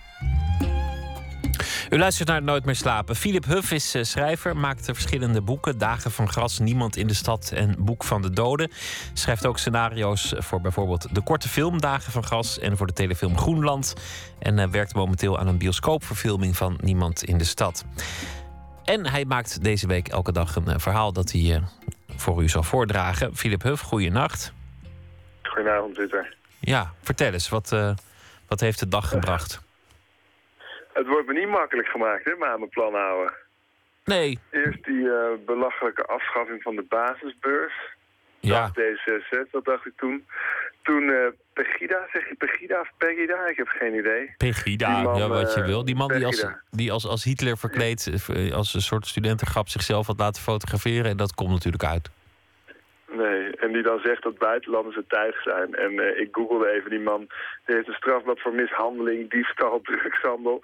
Betaalt de alimentatie voor zijn zoon niet. Nou ja, goed. Uh, ik was dus voornemens boeken te bespreken en niet de zoveelste uh, boze mening te zijn. Um, maar ik dacht wel aan die foto en die man met zijn snor. Um, Primo Levi lag voor de hand.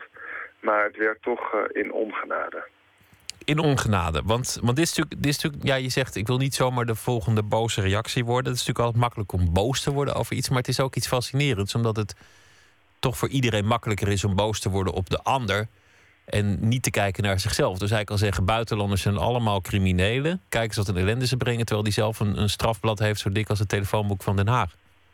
Ja, dat, dat, is, dat is, toch, dat is toch uh, wonderlijk.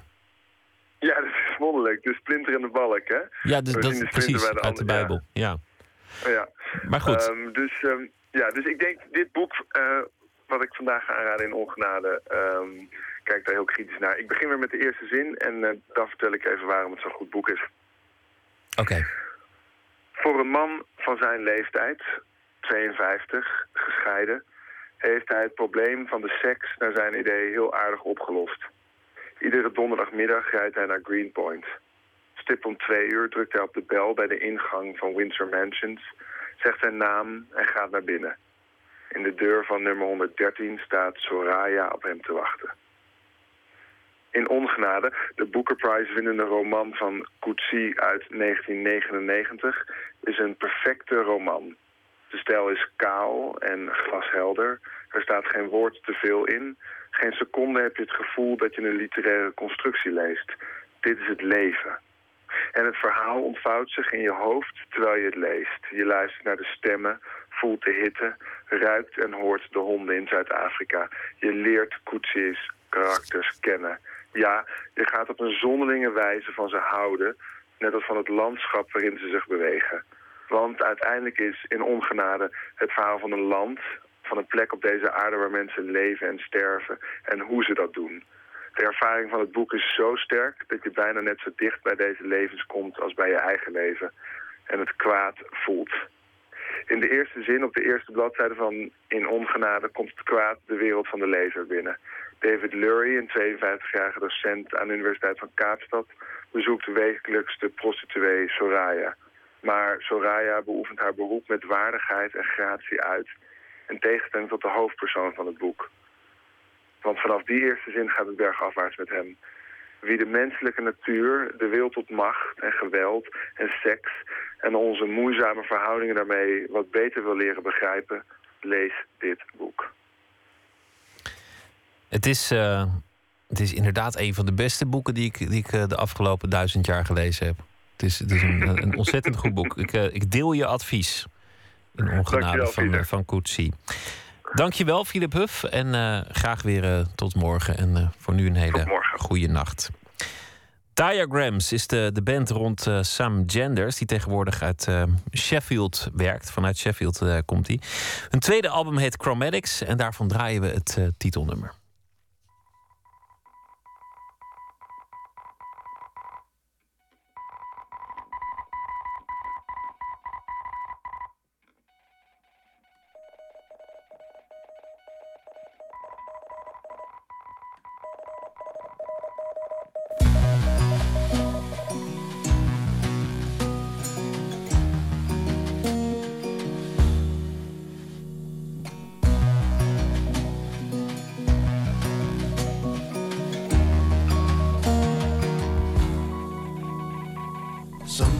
Sometimes the sun is so strong that I melt down to juice.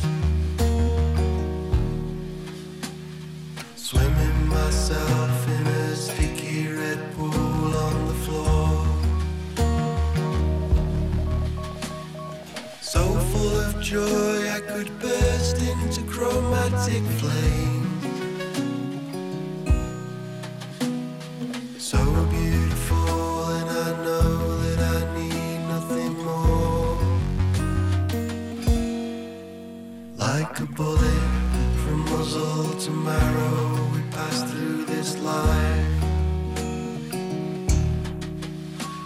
From cradle to grave, we are lost and confused and deranged.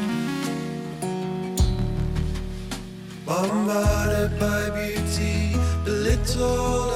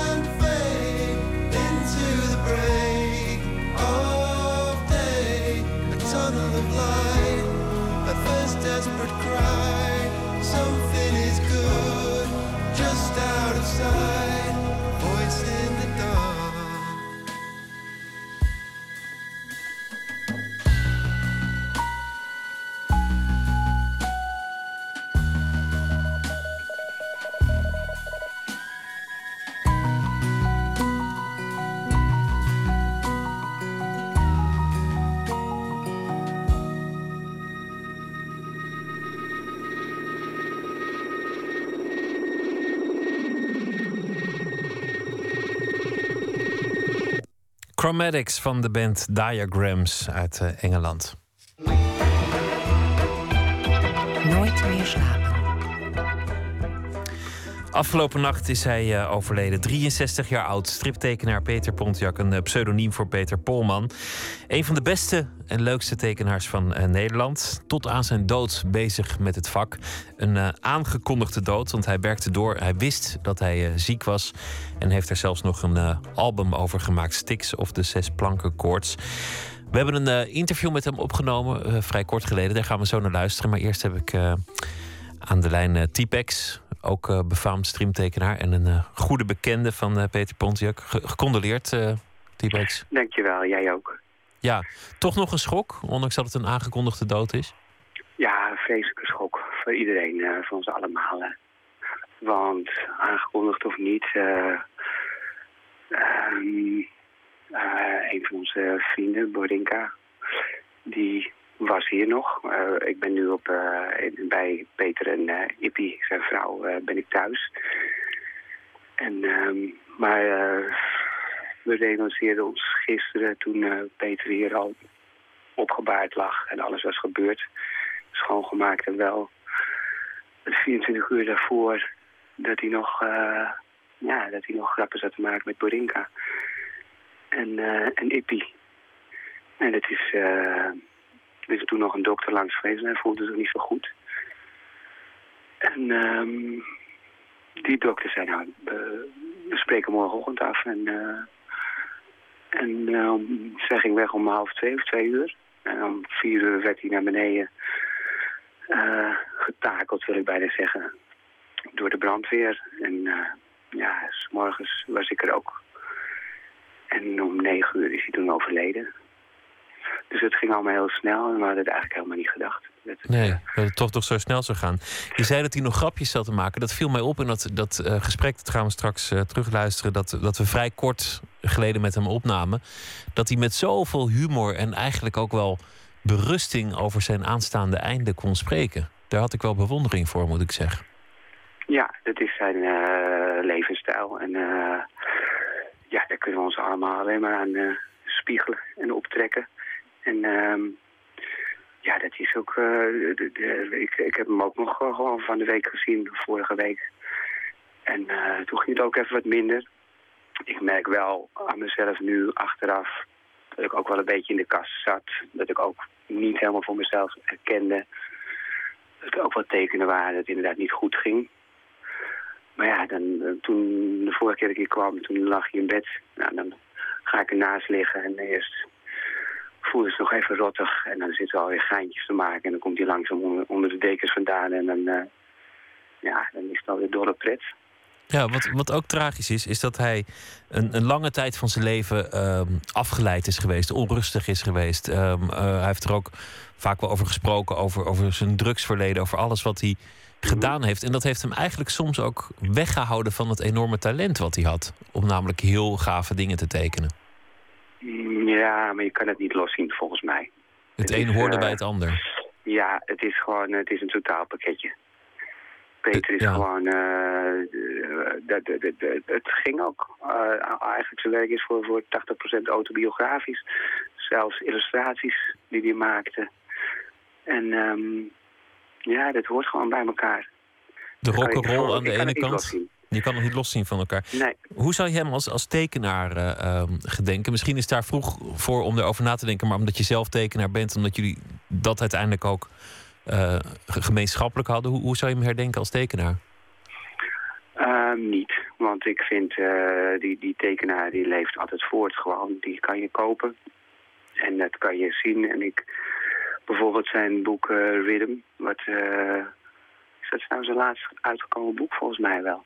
Dus een overzicht van al zijn strips, vanaf de 60 jaar tot nu. En ik heb daar, ik heb bijna alles wel gezien, maar nog nooit op volgorde. Nou, ik heb het echt weer gespeld, het boek. En dat vind ik het mooie. Hij vraagt om een soort definitie van zijn talent. Maar het is iets eh, wat je alsmaar kan herlezen en waar je nooit eh, het laatste van zal zien, zeg maar. Ehm, en eh daar weet ik dat als tekenaar is er helemaal niks aan de hand. Eh, er is genoeg voorhanden. Je kan er eeuwig in blijven lezen en herlezen. En ehm, ja, we hebben alleen een ontzettend lieve, fijne vriend eh, verloren. En daarvoor zijn we heel erg treurig hier. Maar zijn, zijn, werk, zijn werk zal voortleven. Ik Ja. wens je veel sterkte en alle mensen die daar met je zijn. En dank dat je even aan de telefoon wilde komen. Typex, dank je wel. Ja, dank jou. We spraken Peter Pontiac eh, dus in dit programma. En Nicolaou was dat, onze verslaggever, een, eh, een maand geleden. Hij was eh, al heel erg ziek. Hij was aan het werk aan het boek dat zijn magnum opus had moeten worden. Styx of de zes planken koorts over zijn aanstaande einde. Een gesprek met Emmy Colau over leven, tekenen, werk... en de gevolgen van seks, drugs en rock'n'roll.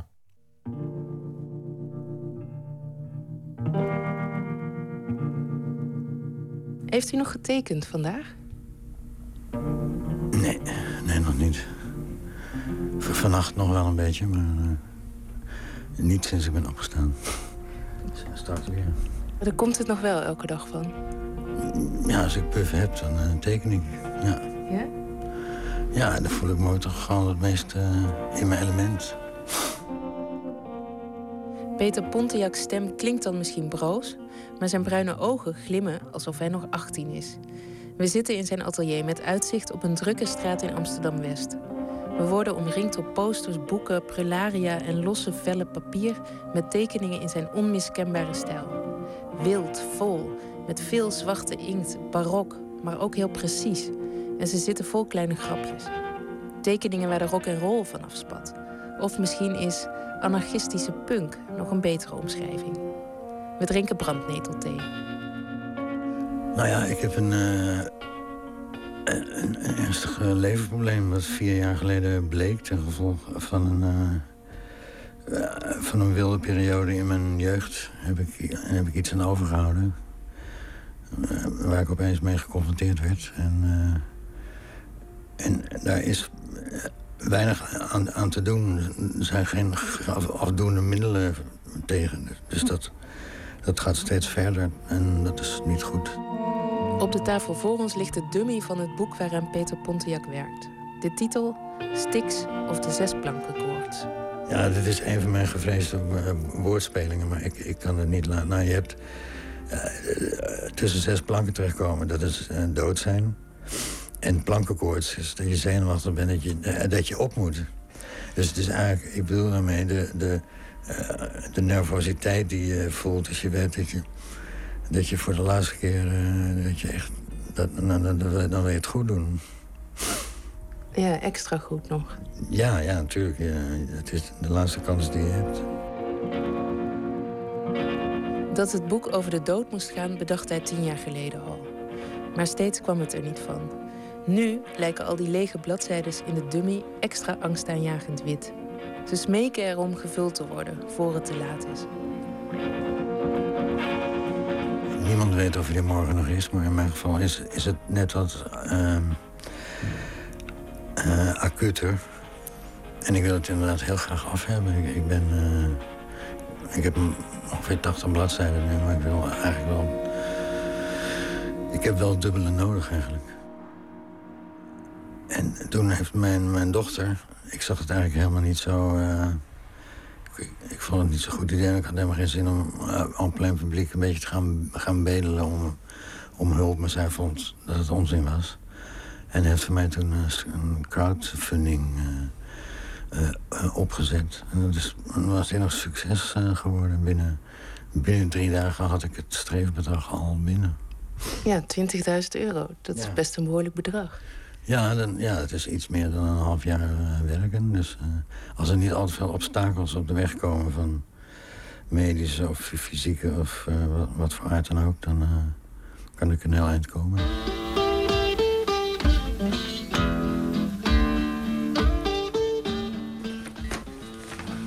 In deze gele map zit wat u al heeft. Oh, dat is een schets van mijn brandvolgers. Well, U begint met potlood.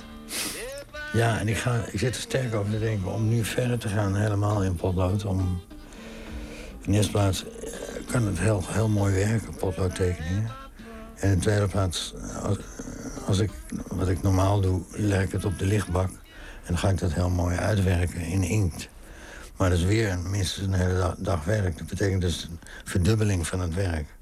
Dus als ik alles in potlood maak... en ik begin opeens eh vreselijk achteruit te gaan... heb ik in ieder geval een potlood. En dan kan het ook nog uitkomen, eventueel. En het bizarre is dus dat mijn werk en mijn eh, leven nu... helemaal is eigenlijk één ding nu. Betekent ook dat ik als ik... eh,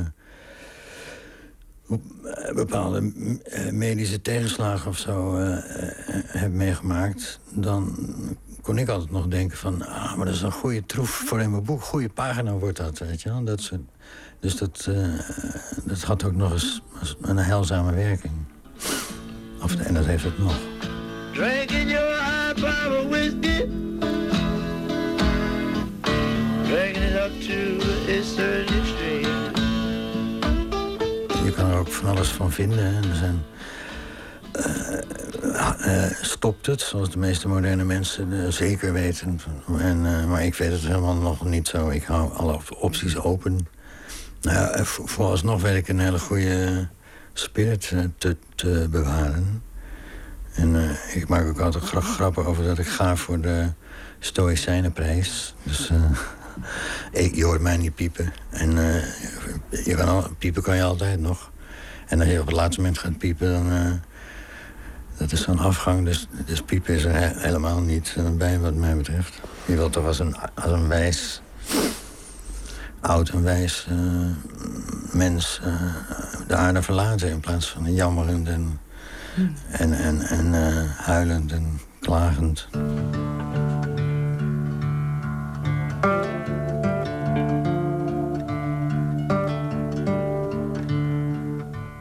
Wel eens mensen zeggen die wat ouder zijn van... van binnen ben ik altijd nog die jongen van 20. Ik ben eigenlijk niet veranderd, behalve mijn uiterlijk is ouder geworden. Heeft u dat gevoel ook? Ja, ik denk dat iedereen dat heeft die, eh, die oud eh, eh, is.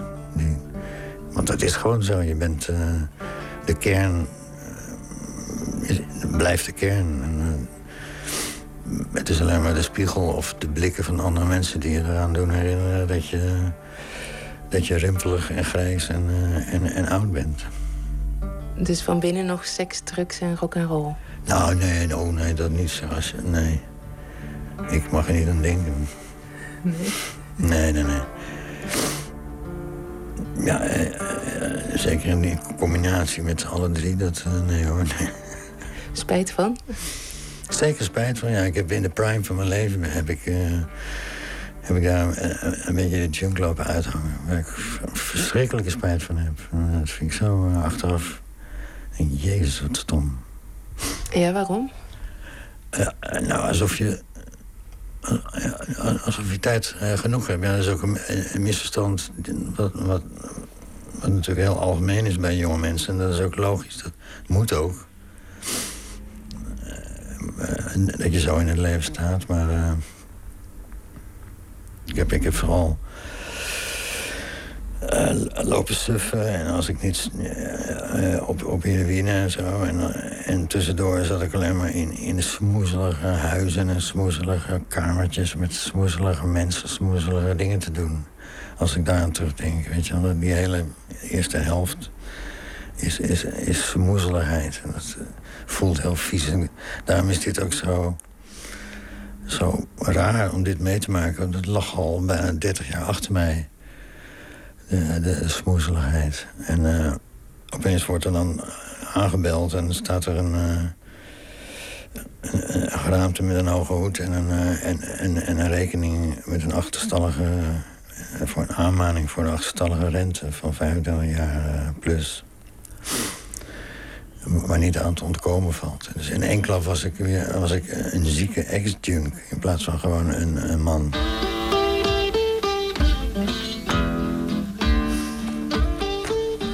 tweede bladzijde. Liefde, seks, dood, geweld. De dat, dood wordt gehaat. Dat zijn de vier grote thema's die de mensheid uh, altijd uh, in al hun verhalen en sowieso in hun ervaren de hoofdrol spelen. Maar er is er één bij die ook nog eens niet wordt verheerlijkt, maar alleen maar wordt bespuwd.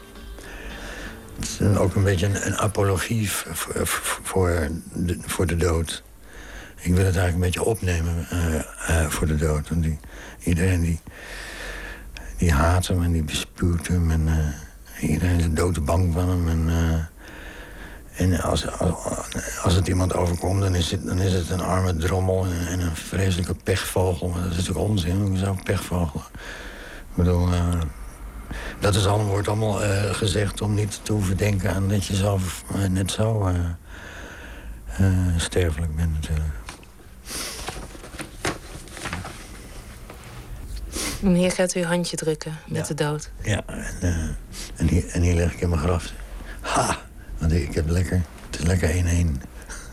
Het lijkt me toch heel raar om je eigen graf te tekenen.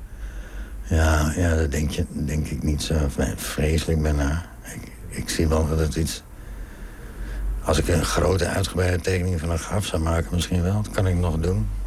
Maar dat zijn dingen. Ik, ik, ik wil toch ook een beetje met... Uh, ik ben een magisch denker, zeg maar. Ik, dus ik ben niet bang om magisch te denken. En vooralsnog wil ik mezelf toch uh, met geestkracht, als het even kan...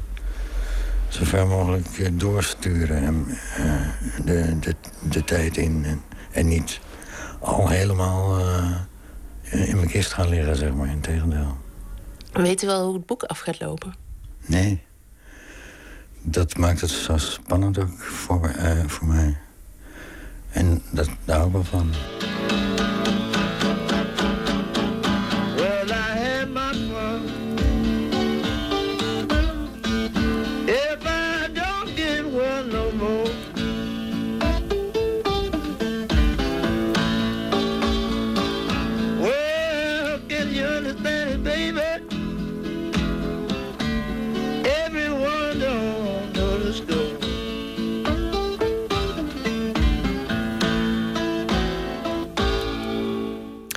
Colau in gesprek met uh, Peter Pontiac een paar weken geleden. Vandaag uh, overleed Pontiac op 63-jarige leeftijd in Amsterdam.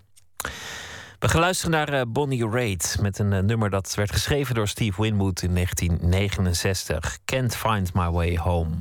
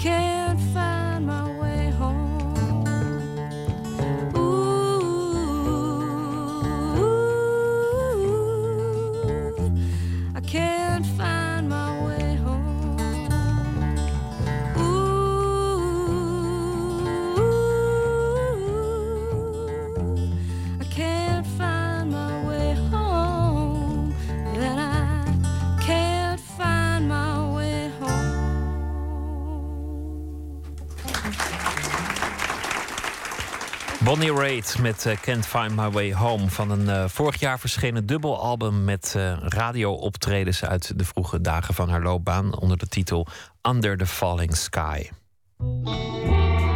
Nooit meer slapen.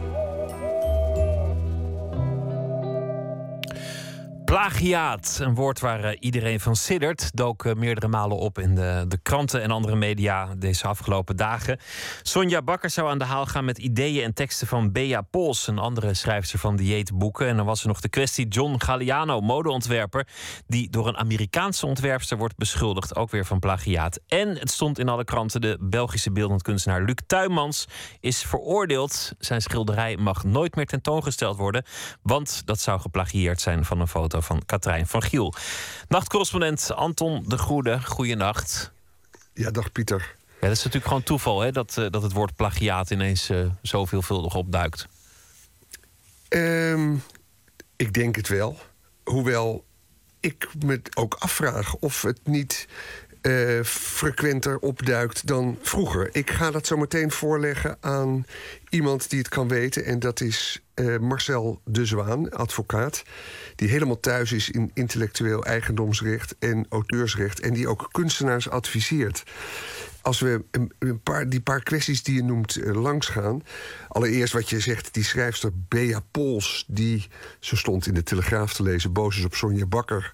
omdat lazen we daar Bakker op haar site heeft gezet... afvallen is een feestje, terwijl Bea Pols een paar maanden terug... het boek Afslanken met Bea is een feestje publiceerde. Toen dacht ik, ja, waar gaat dit eigenlijk over? Ja, dat is nou niet ook een briljante fonds waarvan je zegt van... goh, dat had ook niemand anders kunnen bedenken. Afslanken is een feestje. Het is trouwens ook niet waar, nee. maar goed. Nee, en als je, als je erover leest, dan denk je, ja, waar gaat het over? En dan hebben ze wel de media gezocht, maar een gang naar de rechter is uitgebleven. Dus uh, hoewel we de details niet kennen en er meer aan de hand is dan dit, uh, verdenk ik eerlijk gezegd die dames er een beetje van dat ze op publiciteit af uh, uit zijn. Of misschien En zelfs ook zou- op, op geld. Ordinair geld kan natuurlijk ook. Ja. Die modekwestie die je noemt is interessant. Dat John Galliano, die vorige week zijn comeback maakte voor Maison Margiela, dat heeft de pers gehaald, die werd beschuldigd door een Amerikaanse ontwerpster, Bo Ree, eh, een ontwerp uit haar collectie te hebben nagemaakt. Waar gaat het om? Het zijn leggings in twee kleuren. Elk been van een model heeft twee kleuren. En precies dat is inderdaad ook door John Galliano geshowd. Dus misschien heeft ze wel een punt. Ik vroeg Marcel de Zwaan allereerst naar deze kwestie van die overeenkomst van de pentie van Galliano met die van de Amerikaanse ontwerpster. Luister. Dat is weliswaar eh, behoorlijk eh, overeenstemmend, maar het is eigenlijk ook een vrij eenvoudig idee. En ik denk ook een idee wat wel vaker is uitgevoerd. Dus je zit daar meer met de spanning tussen het publieke domein van ja, de vrijheid eh, van ideeën en de beschermde vormgeving, de uitwerking van een bepaald idee. En je moet naar die uitwerking moet je kijken. Hè? Hoe, hoe is nou dat idee vormgegeven concreet? En als het, als het idee betrekkelijk eenvoudig is van zo'n in twee kleuren uitgevoerd been, dan ehm, denk ik dat het, dat het toch eh, niet gemakkelijk te monopoliseren is op grond van het auteursrecht. Dus ik zeg niet dat het niet zo is, maar het is wel het aspect wat meteen in het oog springt bij deze kwestie. Juist. Er was nog die andere kwestie, die vond ik ook eh, wonderbaarlijk. Luc Tuymans, want dat is namelijk een schilder die een foto heeft nageschilderd. En eh, dat werd dan beoordeeld als plagiaat. Daar is op zich iets voor te zeggen, maar je zou ook kunnen zeggen: nou ja, schilders die schilderen per definitie iets na. Dus hier staat bijna de essentie van de kunst eh, ter sprake. En de sanctie was opmerkelijk, want hij mag dit schilderij nooit meer tentoonstellen met een dwangsom van 500.000 euro. En dat vond ik een, eh, ja, een merkwaardige straf.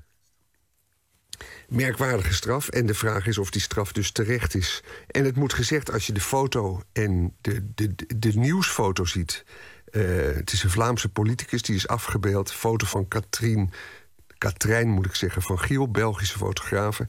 De uitsnede is exact hetzelfde van de foto en het schilderij. En de kleinste details op die foto die keren ook terug in het schilderij.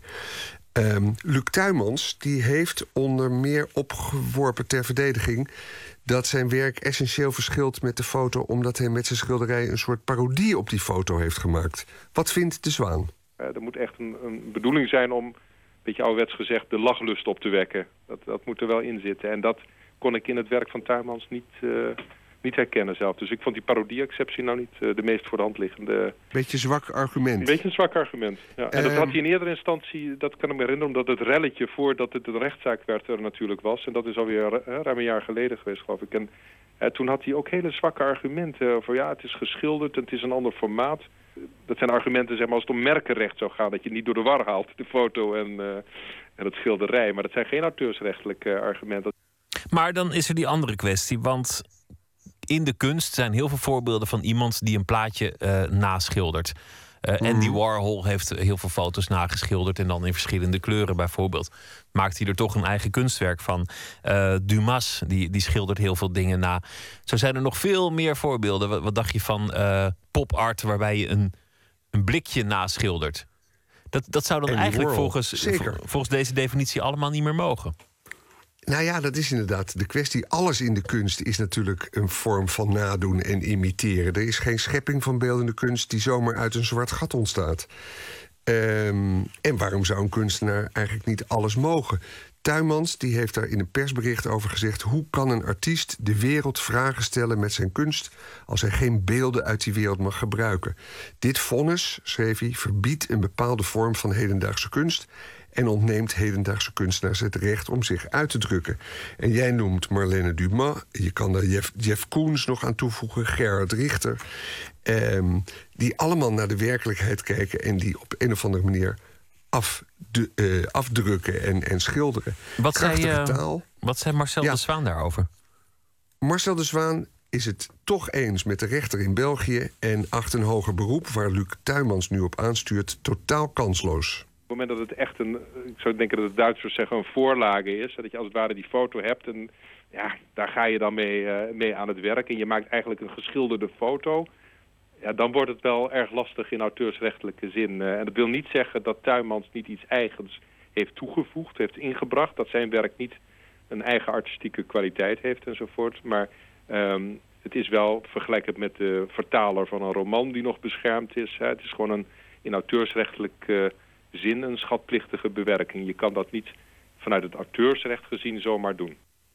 Misschien had hij gewoon even toe- toestemming moeten vragen. Vind je het goed een schilderij van je foto maken en dan, eh, dan je naam doen of zo? Hè, dat, dat, dat had een hoop Ja. goed kunnen maken. er zijn we- voorbeelden van. Ja, er zijn sorry. voorbeelden van. Nog even zeggen dat Marlene Dumas, die, is ook, eh, die heeft ook zo gewerkt naar foto's. En die heeft die fotografen, die, die, die, weet, die zijn ervan op de hoogte. En die vinden dat een eer. En die worden dan soms in een klein lijntje nog genoemd. Maar nu die Maar andere sorry. kwestie. Is het toeval dat eh, de kwestie plagiaat ineens weer overal opduikt? Heb ik ook aan eh, Marcel de Zwaan voorgelegd. Hier is zijn antwoord. Ik denk dat dat een kwestie is toch van een samenloop van een aantal zaken. Maar van- waarvan de belangrijkste mij toch eigenlijk lijkt... is dat we door de eh, technologische ontwikkeling zoveel meer content met elkaar delen. Zo waanzinnig veel meer content met elkaar communiceren. Hè, dat de botsingen, het jatten, het, eh, het eh, vermeend eh, inbreuk maken... Ja, dat dat ook enorm toch, toch is toegenomen. Het is gewoon makkelijker geworden om te jatten... omdat we de hele dag plaatjes downloaden of bekijken via het internet. Ja, en eerlijk gezegd vind ik dat bijna een argument om Luc Tuymans weer meer krediet te geven. Zo van, het is de tijd. Alles is veranderd. Alles is veranderd. En de- het is inderdaad bomvol wat er op ons afkomt. Komt. Nou, laat hij dan als kunstenaar er dat uitpikken wat hij de moeite waard vindt. Daar ben ik heel nieuwsgierig naar. En hij doet dat magistraal. Dus, eh, dus ja, misschien moeten we dat toch loslaten. Ik vind het magisch dat er een doek ergens hangt dat niemand mag zien, dat nooit tentoongesteld mag worden, waar eh, nog net geen gordijntje voor hoeft. Een, eh, een verboden doek vind ik een heerlijke gedachte. Anton ja, de Goede. nagaan dat, ja, Nou ja, we kunnen er nog uren over praten. Maar hoe, dat werk van Tuymans is waanzinnig veel waard. Neemt die waarde nu toe of af? Ik denk toe. Omdat je het nooit mag tentoonstellen. Dat jij het dan als enige mag zien. Ja, wie weet. Dankjewel, Anton. Pieter. Een liedje van een band uit Minneapolis over een eh, provincie in Canada. Luister naar eh, Tapes and Tapes met het nummer Manitoba.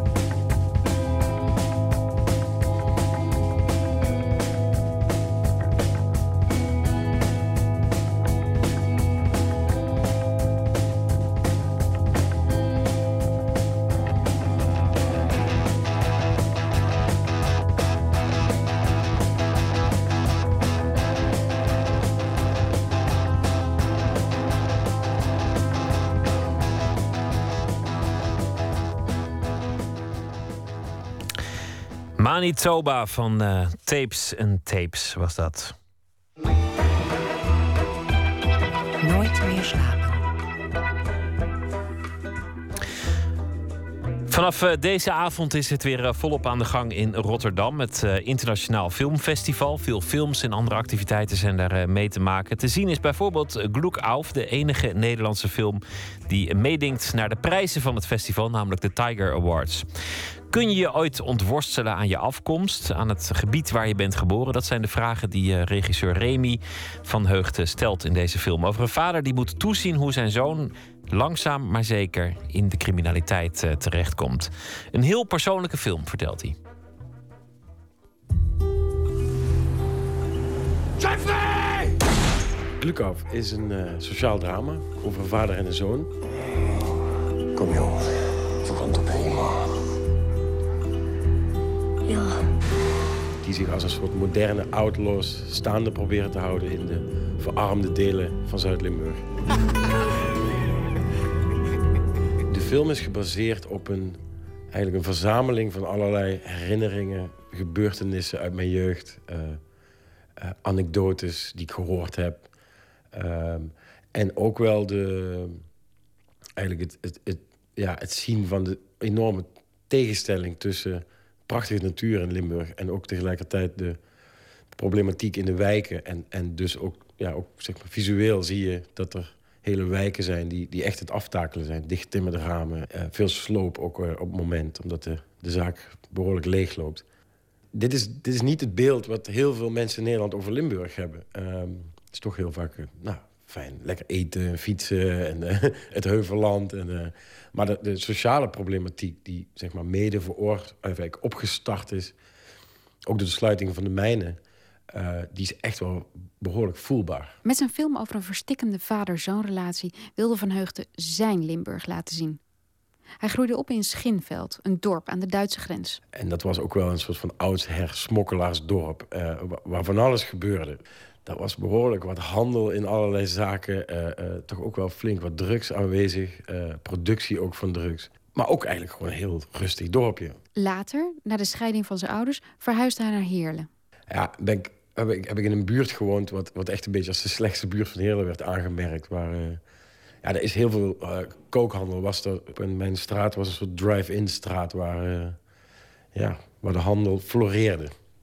Ik weet nog dat mijn moeder het huis kocht daar... en, en zei van, kijk, daar gaan we wonen. En ik, er brandde licht binnen. Ik zeg... En het was al gekraakt. Er zaten al junkies in het huis. En ik was daar helemaal niet blij mee. Maar ja, dan woon je daar. En dan, ja, dat, dat, ja, die beelden die, die, die, zijn, die hebben toch wel een indruk op me gemaakt. Uh. Ik vind het heel grappig hoe je daarover praat. Want het lijkt alsof je uh, steeds een buitenstaander bent geweest... In, in de omgeving waar je woonde. Klopt dat? Ja, ergens... Uh, heel, ben er nooit heel direct bij betrokken geweest. En ik, ik zag het wel. En ik kwam ook op plekken waar dat allemaal gebeurde. ja, het was een beetje... Ik stond erbij en ik keek ernaar. Wat had mijn pap daar gedaan? In de wereld van die Nevada het geld hier gehugen. Hij leent en vergeet. Ik denk dat het een aantal uh, uh, oorzaken heeft uh, waarom, waarom ik dat wilde maken. Dat, ergens denk ik, het is, het, is, het is misschien wel het verdriet over, over vrienden die ik kwijtgeraakt ben daar. Dat, dat is toch wel op vrij jonge leeftijd zijn er best wel veel heftige dingen gebeurd. jongens die aan de drugs raakten, omgekomen zijn, ook, ook daardoor juist. Ehm, en ook wel de, de het, ja, moet noemen? Ik, ik noemde het een soort steenkool zwart kijken. Een soort pessimisme wat ik voelde van... dit gaat niet veranderen. En, en nou ja, dat, dat, is bijna een generatie... Uh, um, overdracht wat, wat daar gebeurt. En dat, dat vind ik heel pijnlijk. Bij mij is het tegenovergestelde gebeurd. Ik heb juist van mijn ouders altijd wel de... Nou ja, wel heel duidelijk meegekregen van... Nou, als je iets wil worden, dan, uh, dan, dan, ga naar school. Ga alsjeblieft naar school, dan, dan, red je het. uh, en dat voorbeeld heb ik ook van hun allebei gehad. Het groot maken? Nee. Vader en zoon. Hoe was het voor jou om, uh, om weer terug te gaan voor de film? Want je hebt daar veel geresearched in het gebied. Je bent daar gaan draaien. Hoe is dat dan om als uh, regisseur te gaan kijken? Is dat heel anders?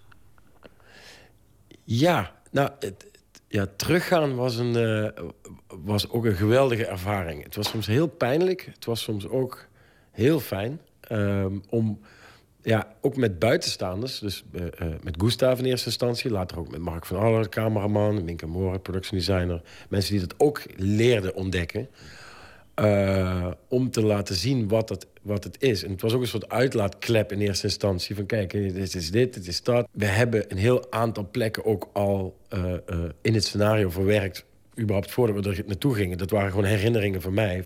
Dus ik hoefde, niet, ik, hoefde eigenlijk niet veel te researchen. Ik, de research zat er meer om te controleren of dat gevoel wat ik destijds altijd gevoeld heb van een beetje dat, die deken van, van pessimisme, om het maar even zo te noemen, of dat nog zo was. En dat, dat, nou ja, dat is natuurlijk lang niet in alle delen zo, maar in een aantal gebieden, een aantal wijken, voel je dat heel sterk nog.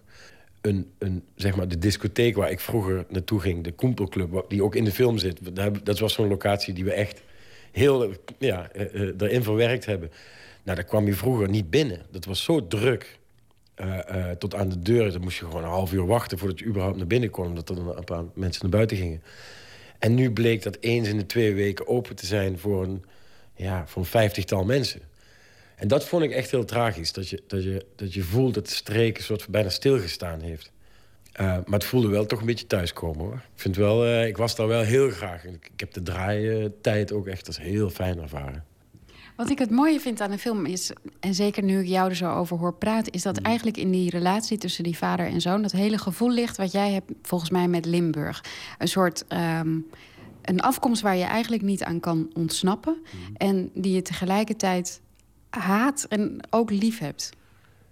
Ja, het was, het was constant een, een, eigenlijk ook een gevecht met mezelf. Van, van het, ja, geef ik kritiek op de streek, maar, maar niet, eigenlijk niet. Want, want ik, ik hou er enorm van. En het geldt ook voor de mensen. Dat, dat, ik vind er heel veel mooie dingen aan zitten. En, en af en toe heb je ook zoiets van... kom op jongens, weet je wel. Dat, dat, er moet echt iets gaan gebeuren. En, en ik zie ook wel een heel aantal mensen die enorm aan de kar trekken... om daar op allerlei gebieden uh, uh, vooruitgang te boeken. Ja, en dat, dat zit ook in de karakters. Broken things. In een levenzoon. Met schot verzorgd. Tien schot lei. En toen we het over Breugel hebben, wel eens, dan is de vuilnisbier. Ik maak het allemaal groot. Ze zijn natuurlijk niet heel mondig. Er wordt niet heel veel. Er wordt wel veel gesproken, maar, maar naar elkaar uiten ze dat niet. En, en eigenlijk is ook wel in het Limburgs, de film is natuurlijk helemaal in dialect gesproken. Dat, dat, dat, dat biedt heel veel ruimte voor subtekst. En je hebt bijvoorbeeld een, een begroeting, dat is echt iets wat een heerlijk is. Zeggen ze, als je elkaar tegenkomt, enne. En enne kan, kan ontzettend veel betekenen. Kan, uh, uh, kan zijn, hoe is het? Uh, ik heb je wel gezien. ik mis je. met name dat, dat laatste van, ik wil dat je bij me bent. Ik wil dat jij bij mij blijft, want ik heb niks anders. En het kan bijna in één woord zitten en in één blik. En een afwijzing kan al zijn dat iemand een sigaret opsteekt. En eigenlijk hele minuscule uh, handelingen die eigenlijk grote emotionele gevolgen kunnen hebben. Dat, dat, was, dat vond ik heel mooi om dat te zoeken. Waar zit dat dan in? Je had dan dus ook echt acteurs nodig die uit dat gebied komen. Uh, die had ik zeker nodig. In eerste instantie ben ik ook op zoek gegaan naar acteurs uit Limburg. Uh, maar ik had ook een tip gekregen van een regiecoach in, in Amerika. En uh, die zei van Remy, zorg dat je, dat je mensen vindt die heel emotioneel betrokken zijn bij je verhaal. Um, en uiteraard, Limburgse acteurs die hebben dat ook. Uh, maar het verhaal is toch in eerste instantie uh, eigenlijk een love story, noem ik het, tussen een vader en een zoon. En dat, dat was nog belangrijker, bleek. En zo vonden we Bart Slegers, die, die, waar ik het gevoel had van... Jezus, deze man heeft zoveel raakpunten, persoonlijke raakpunten met het verhaal. dan neem ik het maar op de koop toe dat hij niet Limburgs is. Goed, hij is Vlaams of half Vlaams, noem ik het maar even. Dus hij heeft de, de, feeling met het, met het Limburgs ook. Hij heeft ook heel veel Limburgse vrienden. En we hadden tijd. Dus we hadden heel veel tijd om het dialect te leren aan hem. En dus het script werd vertaald van het Nederlands naar het Limburgs. En is toen uh, uh, dat heb ik ingesproken met uh, Stef Kwaadvlieger... Die, die, het script naar het Heerles vertaald heeft. Fonetisch. En dat hebben we ingesproken. En dat hebben de acteurs echt gewoon maandenlang op hun oren gehad. En, en, dat, en ook de cadans van de taal geleerd. Ik hoorde Vincent op een gegeven moment ook... Vincent van der Valk, die Jeffrey speelt hoorde ik begin met ook de, de, de, de dynamiek. En dan was hij gewoon een soort van jabber talk-achtig. Van, ja, meneer, we hebben je gedaan en dan ben ik dingen gaan doen. Om, om het zangerige van de, van, de, uh, van de taal te leren.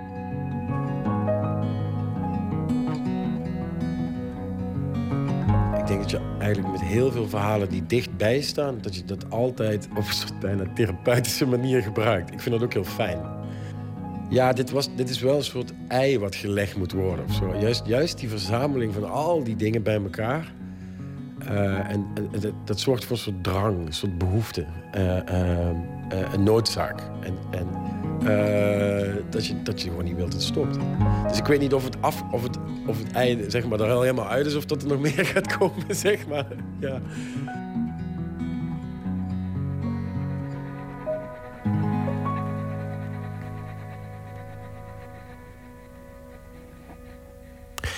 Lookout van Remy van Heugten gaat eh, morgen in première op het IFFR, het eh, Internationaal Filmfestival Rotterdam. En is daarna nog eh, te zien in tal van bioscopen.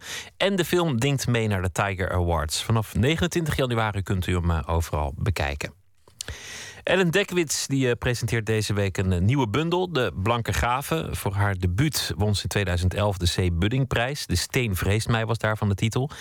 Deze week leest zij gedichten eh, voor van eh, dichters die zij bewondert of gedichten die voor haar eh, bijzonder zijn. Vannacht is dat een gedicht van de IJslandse dichter Geroer Christny. En de titel van dat gedicht is Gedicht over mijn moederland.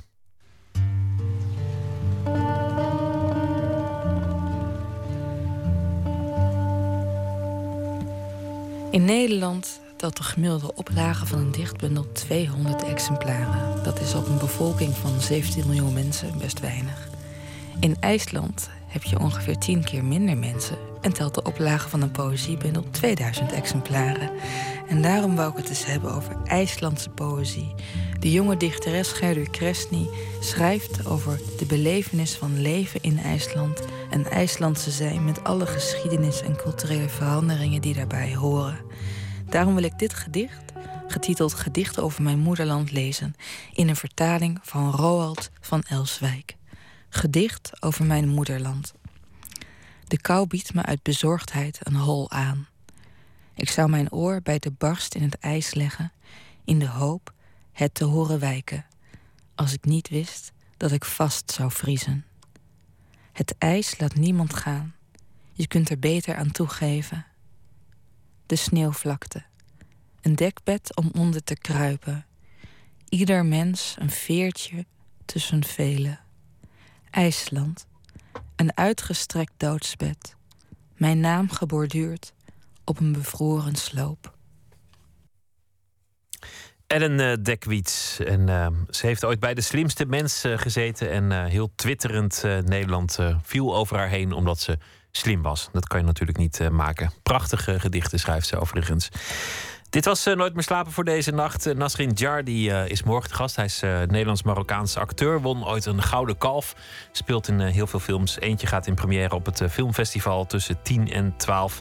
Daarin speelt hij een politieagent... die een wat uit de hand gelopen slecht nieuwsgesprek gesprek moet, moet brengen. Zometeen Francisco van Jolen met De Nacht van Jolen. Wat wij ga je hebben, doen? Uh, uh, Hasna Elmeroudi.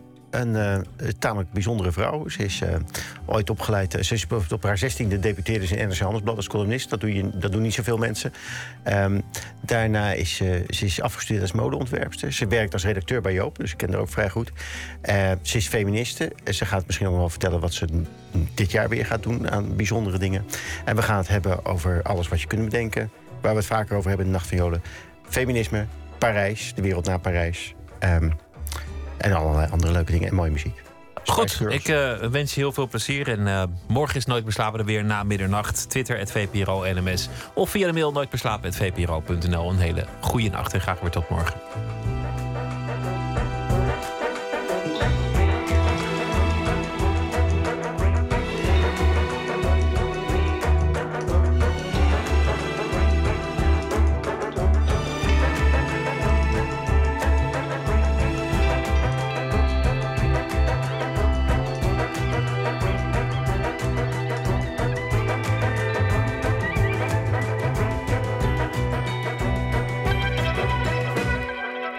Radio 1, het nieuws van alle kanten.